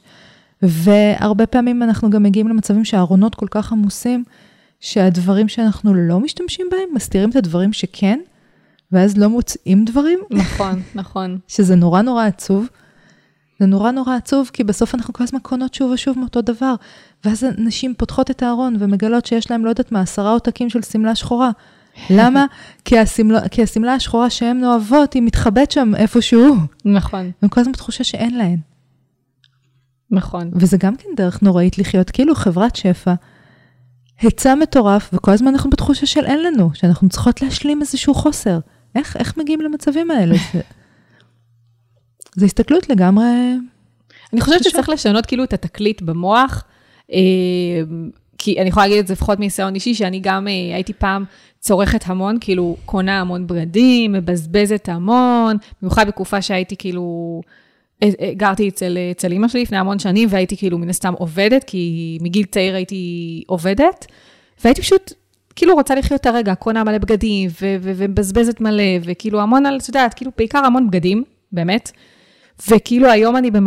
לאט לאט הגעתי למצב שאני אני לומדת להסתפק עם פחות, כי לא באמת צריך, כמו שאת אומרת, הדברים נשארים בארון אפילו עם טיקטים לפעמים, נכון. וכאילו לא באמת יש בהם שימוש. אז כנראה שאני לא צריכה את כל הדברים האלה. אפילו סביר להניח. את יודעת, אחד הדברים הכי יפים אצל מארי קונדו, ובאמת, אני לא איזה קונדואיסטית גדולה, זאת אומרת, קראתי את הספרים, היה סבבה לקרוא את הספרים. עכשיו, אחד הדברים שאני נורא אוהבת אצלה, זה שהיא מדברת, היא מכריחה אותנו להסתכל על מה שיש. עכשיו, נכון שהיא מדברת על לסדר את הבית, אבל בסופו של דבר, מה היא אומרת לך? היא אומרת לך, תקחי את כל הבגדים לצורך העניין, תוציאי אותם, תסתכלי על כל מה שיש לך, ועכשיו בואי תראי מה באמת יש לך. עכשיו, מה זה באמת יש לך? זה דברים שאת, שהיא קוראת לזה ספארק ג'וי, אומרת שמעוררים בך אושר, אבל אלה הדברים שבאמת את רוצה להשתמש בהם בסופו של דבר, שאת רואה את עצמך משתמשת בהם. היא אומרת לך, בואי תסתכלי על מה שבאמת יש לך. לא על מה שיש לך באופן תיאורטי עשר שמלות בארון, אלא על מה שבאמת יש לך, כלומר, השתיים האלה שאת כן רוצה ללבוש. לא כל היתר, כי כל היתר זה רעשי רקע, זה פשוט שוכב שם. זה איזשהו מונומנט לבן אדם שהיית, כאילו תזכורת לבן אדם שהיית, או, או איזשהו סוג של אה, דרישה מעצמך, אני מעכשיו רוצה להיות אה, בן אדם נורא אלגנטי, אז אני אקנה את השמלות האלה והאלה, ואנחנו, ולא, וזה לא עובד, כי אנחנו לא קנינו אותם, כאילו קנינו אותם ולא עשינו אותם שום דבר. ושוב, זה מזכיר לך איזשהו סוג של חוויית, חוויית כישלון בסוף. כן. זאת אומרת, זה, כל זה, זה כל מיני תזכורת לכל מיני אנשים שהיית במהלך הדרך ואת כבר לא, או שאת לא רוצה להיות, או שאת לא יכולה להיות, מאלף ואחת סיבות, וזה ממש בסדר לא להיות מסוגל להיות האנשים האלה. ואני את, את, אני מאוד אוהבת את העניין הזה בשיטה שלה, מפני ששוב, היא אומרת, תסתכלי על מה שיש. באמת, באמת, תסתכלי ליש בעיניים. תעיפי את כל הרעשי רקע ותשארי רק עם מה שחשוב. עכשיו תראי מה חסר לך. כן. ואחרי שחסר לך, תלכי, תשלימי, בוודאי. כן, יכול להיות שלא חסר לך שום דבר. כן, אבל פשוט לעשות את הבדיקה הזאת. בדיוק, הבדיקה היא, היא, היא כל כך חיונית. עכשיו, זה נכון לכל תחומי החיים, כן? אני, כאילו, מביך אותי לספר, אבל לפני כמה ימים פתחתי, יש לנו מגירה במטבח, המגירות שלנו, אה, יש לנו מטבח שהוא כאילו רובו מגירות, ופתחתי איזו מגירה במטבח, שתמיד הייתה המגירה של הכלום, וגיליתי שם קנקן קפה. עכשיו, קיבלנו אותו לפני לא יודעת כמה שנים, כשעוד עבדנו בקונברס, זה היה משהו עתיקות ממש. והוצאתי אותו, ופתאום גיליתי, וואלה, אפשר לעשות בזה תה מהאבקה. יש לנו אבקת תה. אוקיי. אפשר לעשות בזה מדליק. תה מהאבקה. כזה, שוכב משהו במשך 12 שנה, ואת לא יודעת מה קורה מסביבך, איזה פדיחה זאת. עזבי הכל, איזה פדיחה זה שאת לא יודעת מה קורה אצלך בבית. 12 שנה, אני תוהה איך זה יכול, כאילו, אצלי אין מצב, אני רק אה, מחפשת מאיפה להעיף. אשכרה לא פתחנו את המגירה זה הזאת, קטע. כי באופן מסורתי הכרזנו שזאת המגירה שאין בה כלום. שאין בה כלום, שאין חשבת. שבאמת אין בה כלום. באמת, חשבתי שאין בה זה כלום. קטע? טוב, אז אני יכולה להבין איך זה קורה. באסה. באסה היסטרית, א', כי היה משהו, ב', כי הוא היה משהו שימושי. שכאילו כן. בכלל לא הסתכלתי עליו. זה נורא מבאס. אז אני יכולה, אבל אם, את יודעת, אם ככה זה, אם במטבח מצאתי דבר אחד לא שימושי, אז בשאר הבית בטוח. בשאר הבית, שאר הבית פחות סביר, אבל נגיד בארונות בטוח. אני מסתכלת על הארונות של הילדים שלי, אני בטוחה, של הילדה בעיקר, אני בטוחה שאפשר להעיף שלושת רבעי. לא, לא תפקיד שלי, אני לא מיפה, היא צריכה להעיף לבד, אבל בסופו של דבר, היא לא לובשת את כל זה. כן. לובשת מה? שליש ממה שיש לה.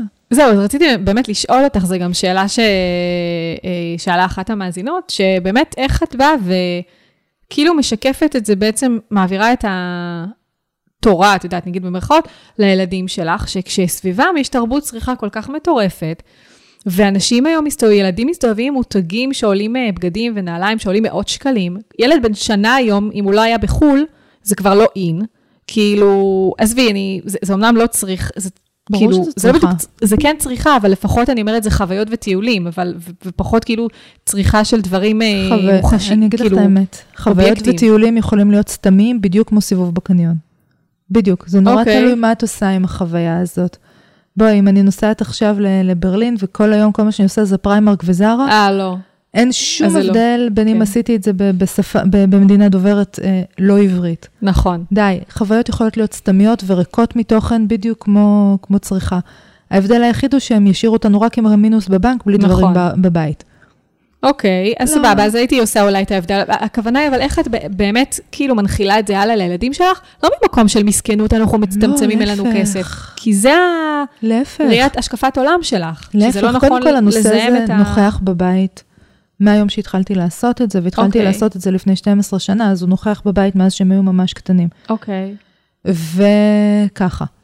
יש לזה כל מיני רבדים, כן? כי, כי, כי בסופו של דבר כל הקטע הוא בתקשורת ובאיך לתקשר את הדברים האלה, ותקשורת היא דבר מורכב, אבל יש כאן כמה אלמנטים. קודם כל האלמנט של תמיד להגיד, אנחנו רוצים, יש לנו כסף, אנחנו רוצים להשתמש בו הכי טוב. למה? כי אז יישאר לנו יותר כסף לדברים אחרים. אז קודם כל, אוקיי, יפה. להגיד להם, זה, זה תמיד בגישה הזאת. יש לנו עכשיו 100 שקל בשביל X. אפשר לעשות א', ב' וג', או שאפשר לאכול את ה... לא יודעת מה, את ה... לאכול פלאפל במקום להזמין עכשיו אה, פיצה, פיצת יוקרה, נקרא לזה, למרות שהיא לא יוקרתית בכלל. ויישאר לנו כסף גם לעוד יום. גם, גם לעשות קפה באיזה יום. מה עדיף? הם Nice. תמיד יבחרו באופציה היותר אה, זה. עכשיו, הם בוחרים, זאת אומרת, הם יכולים לבחור, וזה בסדר גם אם הם בוחרים לפעמים להוציא יותר כסף על דברים. עוד משהו ש, שאני עושה איתם הרבה, זה לעבוד על רכיב המגניבות שלהם, שזה נשמע מגוחך, כי באמת, לא, דווקא לא, לדעתי. כי באמת אצלנו בבית אנחנו, מה זה לא קונים מותגים? הנעליים כמובן ממותגות, מפני שזה מה שיש ליד הבית, אנחנו גרים בחולון, אז יש חנות מפעל של נייקי וחנות מפעל של אדידס. נכון, אומרת, דווקא אאוטלט שווה. בדיוק, זה אאוטלט, זה. בסדר. זה לא שאני מוציאה עכשיו 600 שקלים, ואם הם היו אתלטים, אם מי מהם היה אתלט מקצועי, כנראה, אני הייתי אה, ספורטאית אה, מקצועית, מקצועית, מה זה מקצועית? כן, הייתי ספורטאית תח, אה, תחרויות כשהייתי קטנה. וואו. אה, הייתי, עש- עשיתי קארטה ועשיתי שחייה, אז הבגדי ים שלי היו יקרים, הם גם היו נעלמים תוך חמש דקות, כי הכלור היה אוכל אותם, והחליפות היו, היו תמיד איכשהו מכוסות אה, כתמי דם, ותמיד היה צריך חליפות חדשות. אין מה לעשות, את, את עושה את זה הרבה, את נפצעת, אין, כן. אין מה לעשות. זאת אומרת, ברור שאם היו עוסקים במשהו באופן תחרותי, זה לגמרי אחרת, גם צריך תזונה אחרת, צריך יותר חלבונים, צריך זה, צריך זה. זאת אומרת, ברור שהדברים האלה צריכים להיבנות בצורה כזו. אבל מאחר שהם לא, אז אנחנו עובדים לרכיב המגניבות. סבבה, אתה לא תבוא לבית ספר עם ז'קט של uh, פומה, אבל מצד שני, יהיה לך את הדברים הכי מגניבים. למשל, הבת שלי תמיד במשך, באופן מסורתי, במשך שנים, הייתי מזמינה לה קלמרים שהיו עולים עד 4 דולר.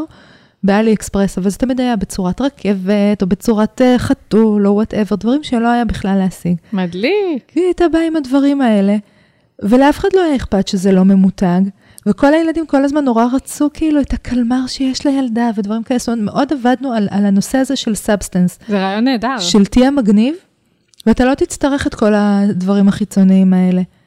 מדליק. עכשיו שוב, אתה לא יכול להיראות כמו הומלס, אתה לא יכול ללבוש בגדי נשים uh, כדי uh, זה. למשל, עם הבן שלי, שנה שעברה, מאחר שהיה לנו נורא קשה כל הנושא של התחפושות, כל שנה אגב, הנושא של התחפושות הוא נושא קשה, כי חשוב לי לא לקנות מוכן, אלא ש, שנביא קונספט ייחודי. אז פעם אחת היא הייתה מדענית מטורפת, צבעתי לה את כל הפנים בצללית שחורה, כאילו הניסוי שלה התפוצץ עליה, היה לה חלוק מעבדה שקיבלנו בהשאלה. הוא למשל, לפני שנה, לא היה לו קונספט, אז, אז עשינו, הלבשתי אותו כמו פרדי מרקורי, מ-I want to break free, עם השפם והחצאית והגרביונים. הרעיון הוא באמת לקחת את הדברים האלה ולנסות למצוא איפה אתה מגניב יותר, מעניין יותר, איפה אתה עושה את זה אחרת, כדי שה... כי הכסף הוא לא אישיו, בסופו של דבר הכסף סוגר פינה בעיקר להורים. ההורים הולכים וקונים לילדים את כל הביגוד הממותג, כי הם קונים לעצמם ביגוד ממותג, והם לא יודעים איך לשדר לילד ש, שהוא לא יכול לקבל את זה עכשיו. כן. עכשיו, לא צריך לשדר לילד שהוא לא יכול לקבל. צריך להגיד לו, אני רוצה לקנות. אני יכול לקנות לך משהו פשוט ועוד משהו שתהנה ממנו, או משהו כזה, ואז יהיה לך ממותג, אבל אתה לא תקבל א', ב' וג'. לפני כמה זמן, אגב, אנחנו גרים בבניין של 100 דירות, נכנס איתי למעלית ילד, זה היה מחריד, היו לו נעליים של פומה, גרביים של אדידס, מכנסיים של נאוטיקה, חולצה של נייקי, וואו. ותיק של עוד משהו, אני כבר לא זוכרת, גם כן משהו נורא נורא ממותג. והילד הזה פשוט נראה כמו mix and match של לוגויים. אוש. זה היה מחריד. זה, זה, זה היה מחריד בעיניי, ואני שואלת את עצמי, איזה הורה נותן לילד לצאת ככה מהבית? כי באמת, הרבה, זה שר טעם. זה שר טעם ברמות על, אני לא אומרת את זה בהתנשאות, אבל הדיבור צריך להיות, קודם כל הוא צריך להיות תכוף. זאת אומרת, כל הזמן הנושא במודעות, וכל הזמן לעשות את התהליכים האלה. אני מתלבט אם לקנות א' או ב', זאת אומרת, לדבר עם הילד לשתף, גם. לשתף, ממש. לשתף. כל הזמן שיש שיח. ממש. אתם בסופר, אז תתלבטו בין אם לקנות במבצע ולא לקנות במבצע ותגיעו למסקנות. אתם הולכים לקניון, תתלבטו בין לקנות uh, שתייה או, או לא לקנות שתייה ולהחליט שבפעם הבאה מביאים מהבית וכן הלאה וכן הלאה וכן הלאה. ההתלבטויות האלה לא מעידות עליכם שאתם קמצנים או משהו, זה רק אומר שהילד מקבל פרספקטיבה אחרת לכסף.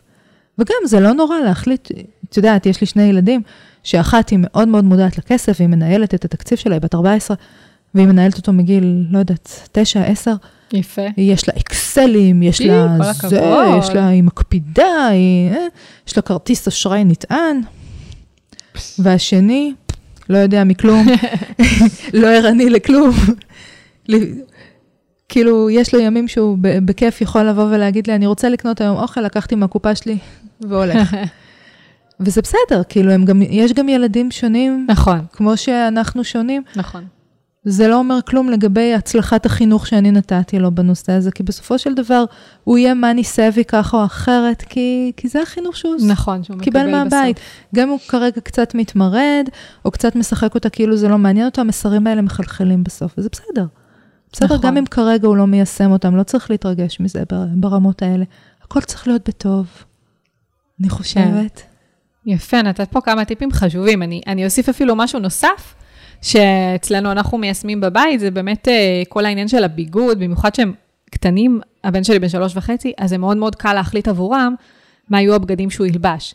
אה, ואני יכולה להגיד שיש לי חברה שסיימה את הרצף אה, לידות, והבן של, כאילו, והילדים שלה הם ככה קצת מעל הגיל של הבן שלי, ו-90 אחוז, אם לא יותר מהבגדים שלו, זה בגדים שעברו ממנה.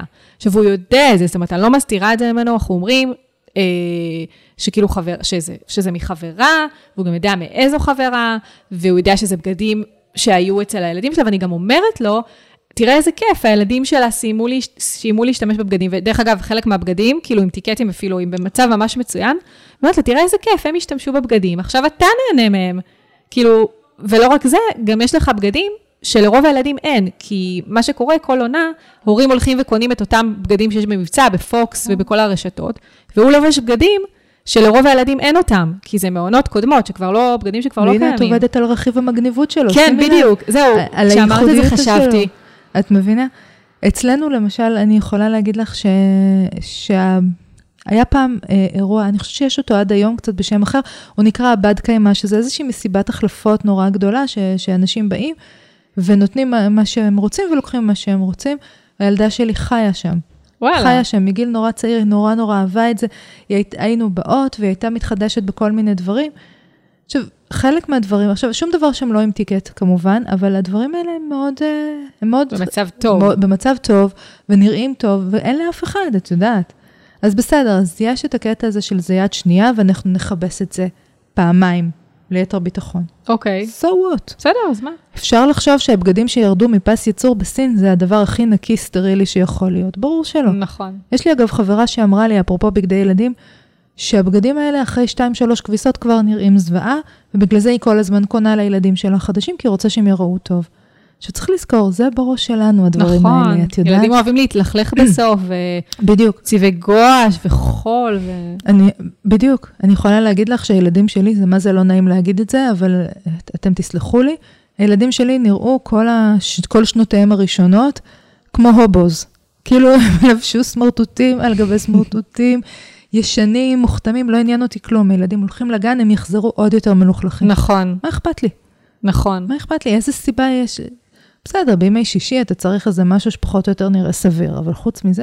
נכון. אני רואה הרבה פעמים בקבוצה, ההורים שלנו נורא מתבאסים, למה הילדים חוזרים מלוכלכים, אני כאילו, בסדר, אז מה, כאילו, זה, זה כל. הפואנטה, זה השלב זה שכאילו. להפך, אני שמחה שהם משחקים בצבעי גואש וכל מיני דברים, שמפתחים להם את המוטוריקה, וסתם חבל כאילו על ה... שההורים הולכים מבזבזים מלא מלא כסף על בגדים, ואז מתבאסים. וואלה, וואו. אני לא זוכרת אם שמחתי שהם חוזרים מלוכלכים, אבל היה לי לגמרי ברור שזה חלק מהחיים. זאת אומרת, זה השלב שבו הם חוזרים מלוכלכים, וכל התפקיד שלי בחיים הוא לא לקנות להם בגדים כדי שיכאב הלב לכולם שהם מלכלכים. כן. הרי מה אנחנו בסוף משדרים לילד? זה לא בסדר שאתה משחק, כי אתה מתלכלך, והבגדים האלה יותר חשובים מה... לא, הבגדים לא יותר חשובים, בגדים זה אמצעי למטרה, בגדים זה אמצעי כדי לא לצאת מהבית עירום. בואו ניקח את זה. למרות שאם תשאלי את הבן שלי, הוא בכיף יצא מהבית עירום, הוא אוהב להסתובב פה ערום בבית. אני, לא נעים לי להגיד לך, אבל שלי הם כבר גדולים ומסתובבים בבית בתחתונים, שזה קצת מעניין. כי, כש, כי באמת, כש, כשילד בן 15, מבינה, פתאום מסתובב לך בבית בתחתונים, ופתאום את קולטת שהוא כבר יש לו שערות על החזה ועל הרגליים, זה כזה... טוב, זה כבר עניין שלכם. זה שוק. של, אה, כן, זה כבר זה עניין של אה, שוק.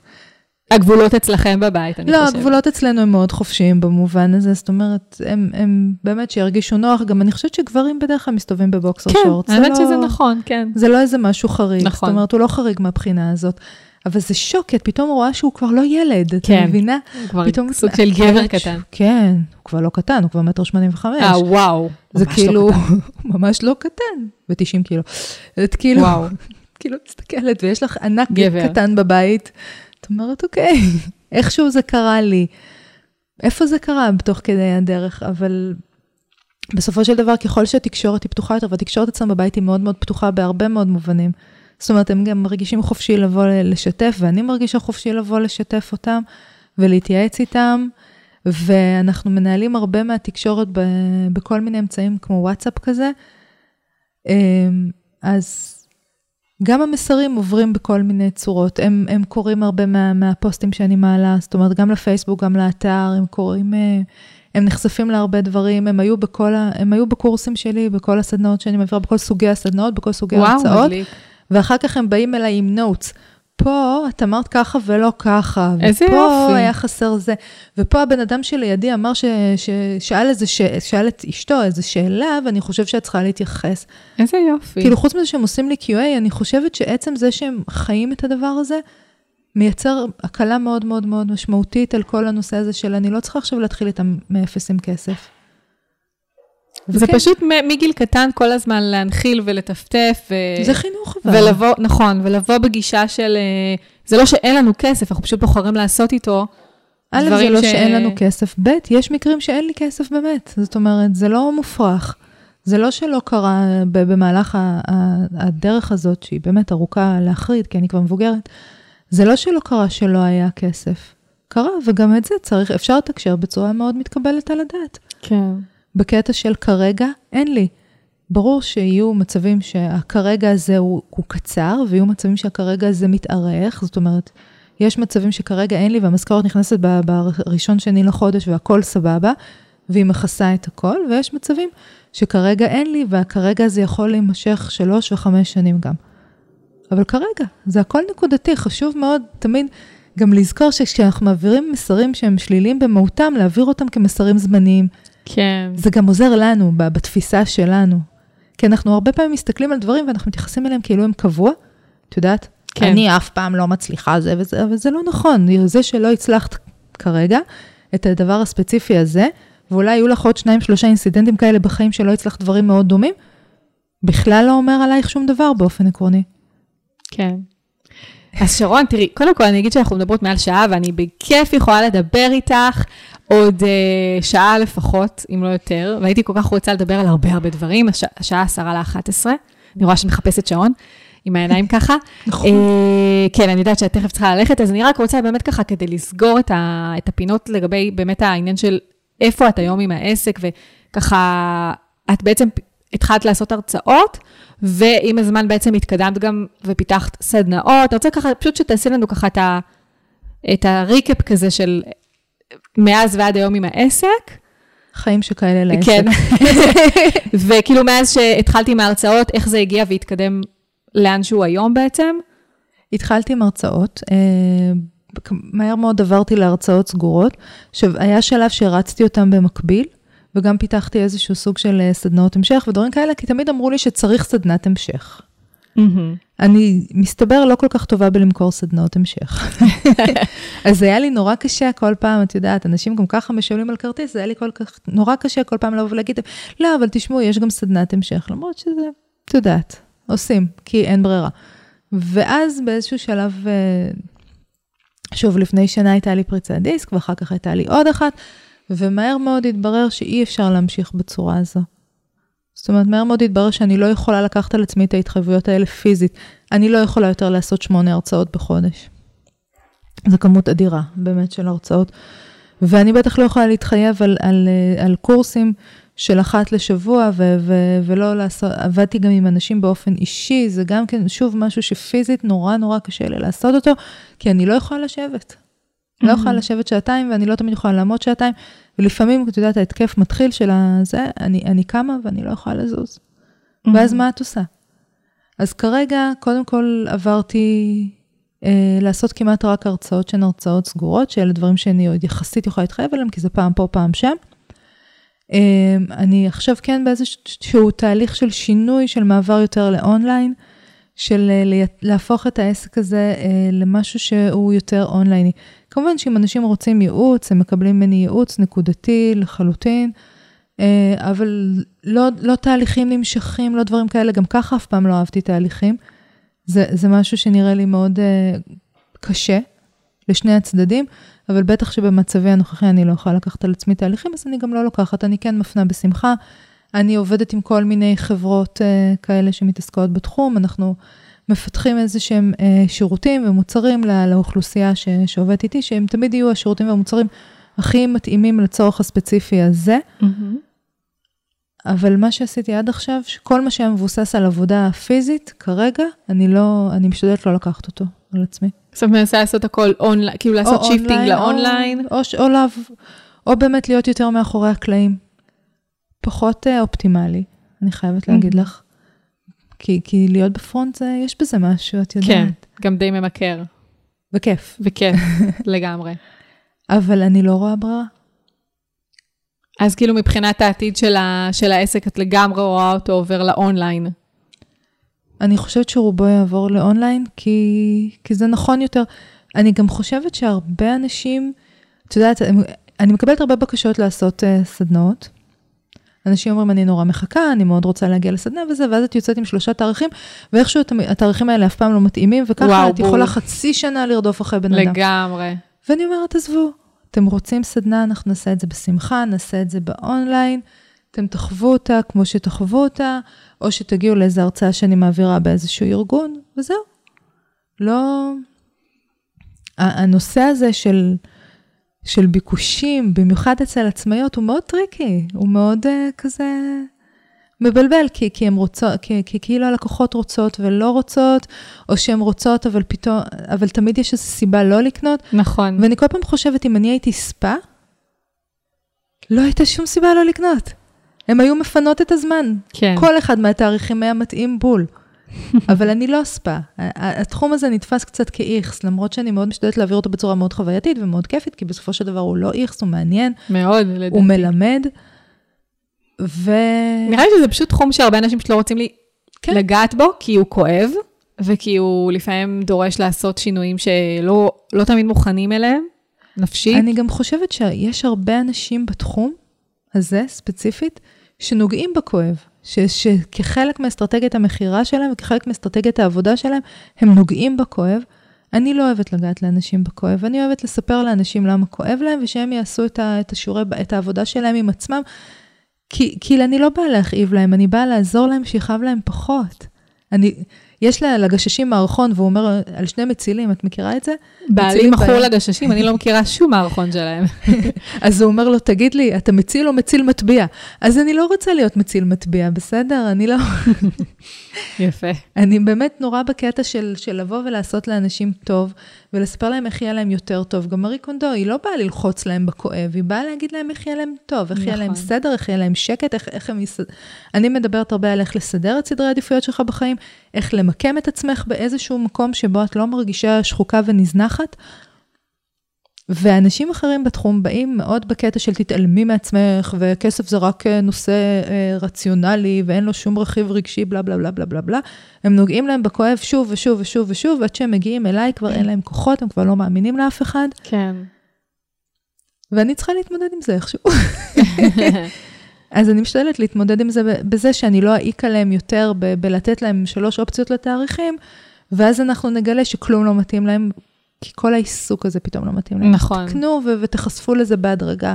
תשמעו אותי שלוש דקות בכל פעם, זה גם בסדר. נכון, לא ציינו שיש לך פודקאסט, דרך אגב, נקרא בקטנה, נכון. אז אני אשים קישור לפודקאסט שלך.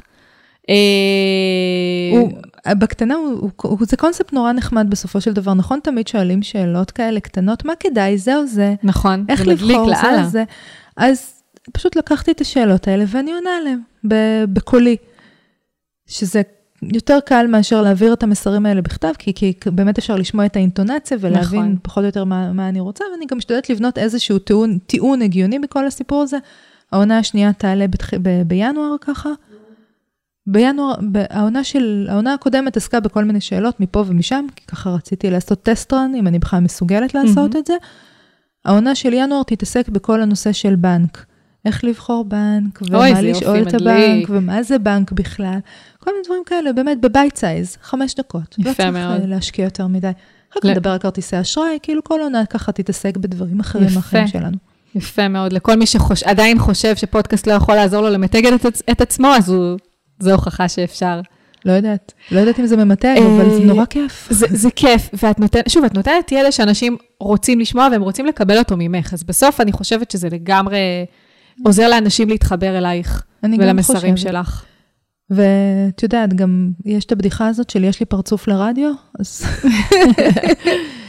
באמת קשה יותר עם וידאו, אני גם חושבת שווידאו זו מדיה הרבה יותר תובענית, כי, כי את צריכה גם, את יודעת, את צריכה לשים לב להרבה דברים, גם לאיך יוצאת התמונה, גם לאיך יוצא הסאונד, ובסופו של דבר את משקיעה הרבה יותר אנרגיה בלייצר וידאו קצר נכון. מאשר שידור קצר. נכון. כמי שעושה גם וידאו וגם אה, פודקאסט, אני יכולה להגיד שלגמרי פודקאסט אה, הרבה יותר פשוט. אה, הרבה יותר מווידאו. פשוט, באמת. כן. גם כולם עושים וידאו היום. כולם, זה איזשהו... אני לא חושבת שזה צריך להיות או-או, אני חושבת שאפשר גם וגם, פשוט כל אחד צריך לבחור את ה... אה, מה נכון עבורו. יכול להיות, את יודעת, גם יכול להיות שיש דברים, אני חושבת שיש דברים שפשוט הולכים לי יותר טוב בווידאו, ויש דברים שהולכים יותר טוב ב... שהולכים יותר טוב רק בסאונד. כן. אז למשל הרצאות, אני מאוד מאוד רוצה להתחיל להוציא עכשיו בווידאו, יש הרצאות שלי באורך מלא, נגיד שעה, שעה אוי, זה ורבע. מצוין. אז הווידאו יכול לעבוד, יש קצת מצקת, קצת פה, קצת שם, זה, זה, ויזואלית זה תורם. אבל שאלות כאלה נקודתיות על בנק וזה, מה בשביל מה אני צריכה פה וידאו? לא, אידיאלי לפודקאסט, אידיאלי אידיאלי לפודקאסט. לחלוטין. גם לדעתי. טוב, תקשיבי, אנחנו, בכיף אני באמת יכולה לדבר עוד, אבל אני יודעת שאת, שאת ממהרת. אני רק רוצה שנעבור על השאלה של המאזינה שלנו, כי לוודא ככה שאין משהו ששכחנו. כי אני חושבת שדיברנו על זה, אבל אני אציין בכל זאת. אה, זו שאלה מניקול גולדבאום, שאומרת, בשעה, בשנה האחרונה השתכנעתי סופית שהשתגענו לגמרי עם הצרכנות האובססיבית שלנו, אבל איך מסבירים לילד בן חמש שסביבו כולם קונים עכשיו פריט, צעצוע, נעליים או בגד כלשהו, שאנחנו לא נקנה, וזאת מבלי להתייחס בצורה שלילית להרגלי הצריכה של ההורים הילדים האחר... של ההורים, של הילדים האחרים בגן. נראה לי שדי בעצם ענינו על זה, אולי את רוצה להוסיף משהו? רק, רק חשוב להגיד, קודם כל להגיד לילד, אני מרגישה שאנחנו צורכים יותר מדי. אוקיי. להגיד לו שזה מחלה כלל עולמית. לספר לו באמת קצת על, על, על הררי הזבל ו, ולהראות לו קצת סרטונים של גרטה הבוכה. מה זה גרטה הבוכה? גרטה שדיברה באו"ם, הילדה החמודה הזאת שדיברה באו"ם, היא ממש אוקיי. בכתה שם כי, כי המצב קשה. וואו, לא ידעתי, אני אבדוק את זה. כן, כן. אז קודם כל כן, לדבר איתו על זה הכי פתוח, הכי גלוי, לא להסתיר שום דבר. עכשיו, חוץ מזה, להגיד לו, תראה, אפשר, אפשר, אבל בוא נחשוב ביחד אם זה באמת הדבר הזה שאתה הכי רוצה. אולי תנסה לקחת בהשאלה מחבר, תראה אם זה בכלל בא לך על הפריט הזה וזה. הילדים שלי, אני זוכרת, כשהיה שיא עונת הספינרים, וספינרים עלו פעם הון, מסתבר, הם הביאו איזה ספינר הביתה, ניסו אותו, ניסו אותו, ניסו אותו, אחרי שעה נראה לי, החזירו, אמרו לי, תקשיבי, זה לא בשבילנו, לא משנה. וואו, רעיון, לא, אה, רעיון טוב. אמרתי, קחו בשאלה מחבר, תנסו, תתנסו קצת, אנשים... עכשיו, גם יש פה איזשהו אה, קטע שהיא אומרת, אני לא רוצה אה, להוציא כאילו את ההורים האחרים לא טוב. הם בכלל לא צריכים להיות הנושא. הורים אחרים הם לא נושא, מה הם עושים זה בעיה החלטה שלהם. מה את עושה זה החלטה שלך, ואת לגמרי צריכה לדבר רק עליכם. עליכם כתא משפחתי, עליכם בתור האחריות שלכם, עליכם בתור הדברים שמעניינים, שמעניין אותך לעשות עם הילד, ולתת לו לבחור. עכשיו, אני גם בטוחה שאם נחשוב על זה מספיק, יש אופציות, יש חלופות לכל הדברים האלה שהיא רוצה לקנות להם. עוד, עוד דבר שחשוב לעשות, אם מדו, בדרך כלל מדובר ביותר מדבר אחד, זאת אומרת, ביותר מצעצוע אחד, ביותר מפריט לבוש אחד, את יודעת, זה, זה כן, תמיד כמות.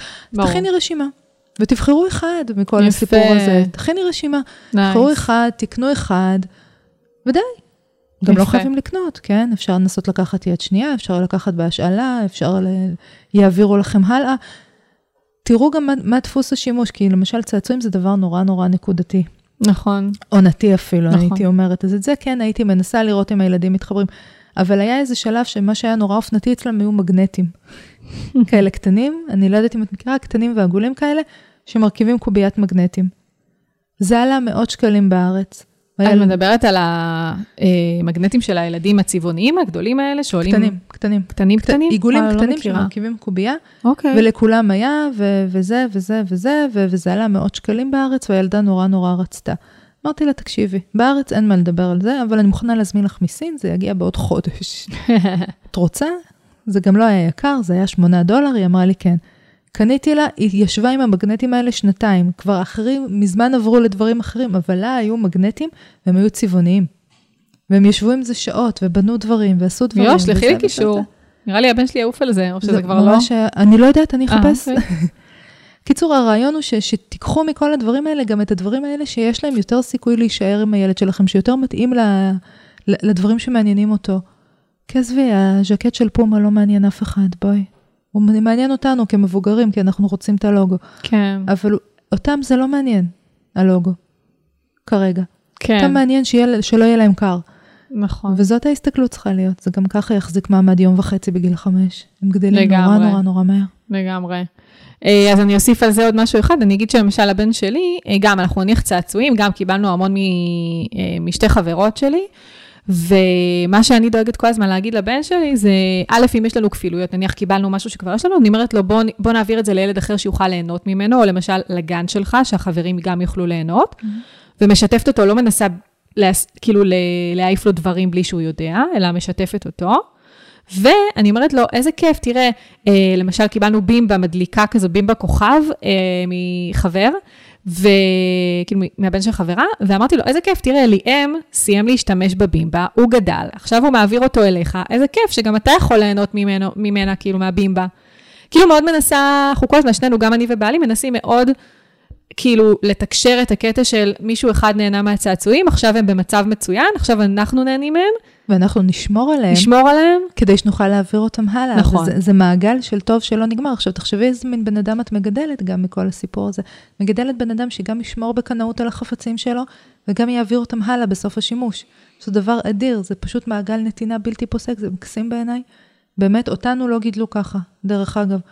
נכון. אני זוכרת שכשאני גדלתי, גדלתי בחולון, וכשאני גדלתי, אנשים היו מוכנים להרוס את הדברים שלהם רק כדי שמישהו אחר לא יוכל להשתמש בהם אחר כך. זה עצוב, אם את שואלת. וואו, טוב, זה אני לא יודעת, האמת, לא זוכרת, אבל אה, וואו, זה זה נורא. קטע שכאילו זה החוויה החזקה שיש לך. זה תרבות עוני, את מבינה? כן. זה תרבות עוני, כי בתרבות עוני יש תמיד תחרות על משאבים. זאת אומרת, מבחינה סוציולוגית אנחנו גם רואים את זה שבתרבויות עניות יש תחרות על משאבים. סליחה שאני חופרת פה עכשיו על... לא, על- זה מעניין, על אני שוב אמרתי לך, אני. יכולה להמשיך לדבר. אין בעיה. אה, אבל באמת, בתרבויות עוני יש לך מאוד אה, את הנושא הזה של תחרות על משאבים, וזה לא... כי זה הישרדותי, אני חושבת. זה הישרדותי וזה גם פשוט אין, זה פשוט אין. ולכן אם לך, אם לך לא יהיה, למישהו אחר יהיה, אם לא... זאת אומרת, זה או-או, זה, משחק סכום אפס כן. לגמרי. עכשיו, בחברות שהן לא חברות עוני, אין צורך להתחרות על משאבים, כי יש נכון. לכולם, ואפשר לחלוק, ואפשר לשתף, ואפשר להעביר מיד ליד, ואפשר גם לקבל בחזרה את זה אחר כך, היה ואתה רוצה את זה בחזרה. זאת אומרת, אתה לא נפגע מזה שאתה לא, לא מחזיק את הדבר הזה קרוב ללב. בגלל זה בתרבויות עוני, את הרבה פעמים תראי את הקטע הזה שאם יש משהו ואתה לא רוצה שלמישהו אחר יהיה אותו, אתה, זאת אומרת, אתה לא יכול להרשות לעצמך, כי זה מסכן אותך באיזושהי צורה, אתה תהרוס אותו. Mm, וואו. זה נורא נורא קשה, וישראל שנים, באמת חיינו פה בתרבות עוני. שנים. אני לא בטוחה שאנחנו עדיין לא חיים בה, אבל אנחנו לפחות מנסות איכשהו לגדל ילדים שהם לא, לא בתרבות הזאת. זה מאוד חשוב להסביר, כאילו לדבר עם ילדים גם על זה שדברים יכולים לבוא אליהם, והם אחר כך יכולים להעביר אותם, והכל חיובי. כן, הכל יכול לצאת מאוד חיובי מכל הסיפור הזה. כן. וגם לא, לא להיות מושפעים מכל העניין הזה של מה הורים אחרים עושים. כי בסוף, אם, אם, אם, אם רובנו כאילו נגדל באמת דור שיותר חשוב לו ה... אה, לייעל את הכסף שלו למקום הנכון, ולא סתם להעמיס בגדים וצעצועים שלא צריכים, אז בסוף יגדל פה דור שבסוף השיח פה ישתנה. כאילו, הדור שיגדל הוא... כבר היום המשווקים האמריקאים הם נורא נורא מלאי טענות לדור Z. דור Z זה לצורך העניין אלה שנולדו משנת 95. אוקיי. הם מלאי טענות לדור Z, כי אומרים, דור Z האלה הם קמצנים, והם לא רוצים לקנות, ודה דה דה ודה דה דה. עכשיו, תחשבי על זה שהחוויה המכוננת של, שלנו כדור X, שלי כדור X, בסדר?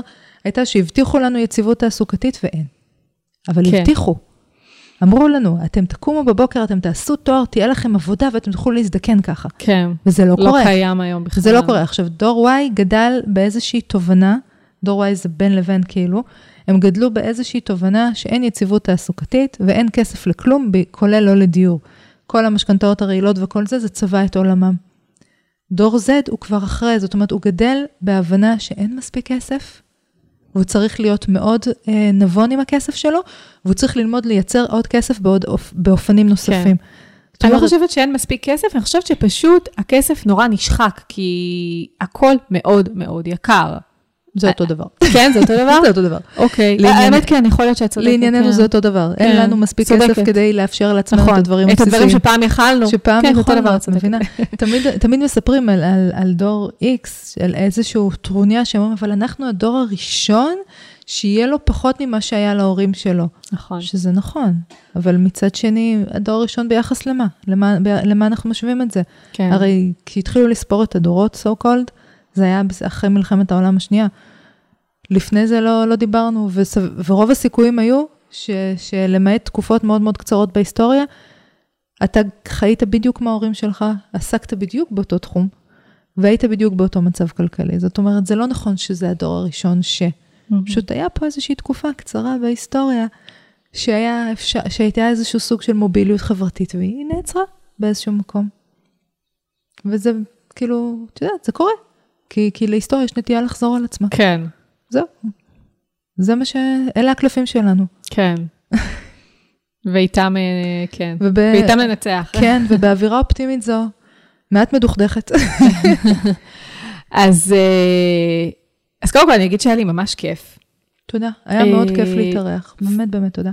בכיף, אני ממש שמחה שבאת, ובאמת באמת שיכולתי להמשיך לדבר, כי זה, אני חושבת שזה נושא מרתק שאפשר לפתוח אותו לכאילו כל כך הרבה אה, מקומות, ומאוד מאוד נהניתי, אני מקווה ש... ובטוחה שהמאזינים והמאזינות אה, יפיקו ערך.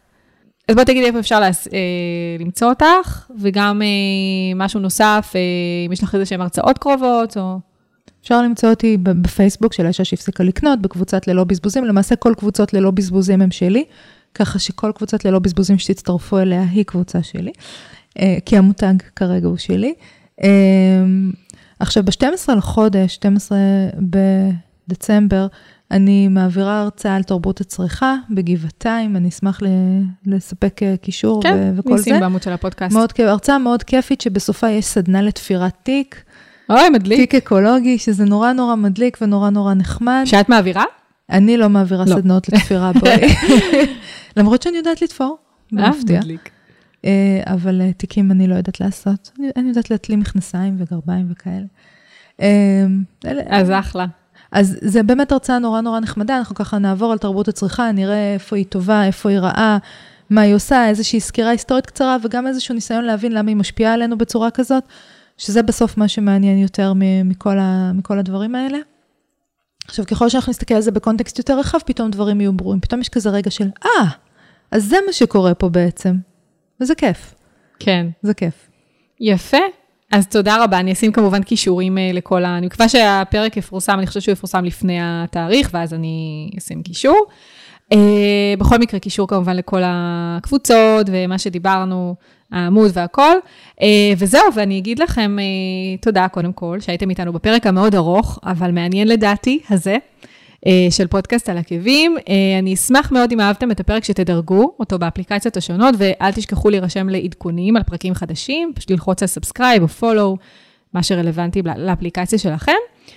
אה, וזהו, ואנחנו נתראה בפרקים הבאים. תודה, שרון. תודה רבה. היה לי כיף. תודה, היה כיף. ביי ביי. ביי.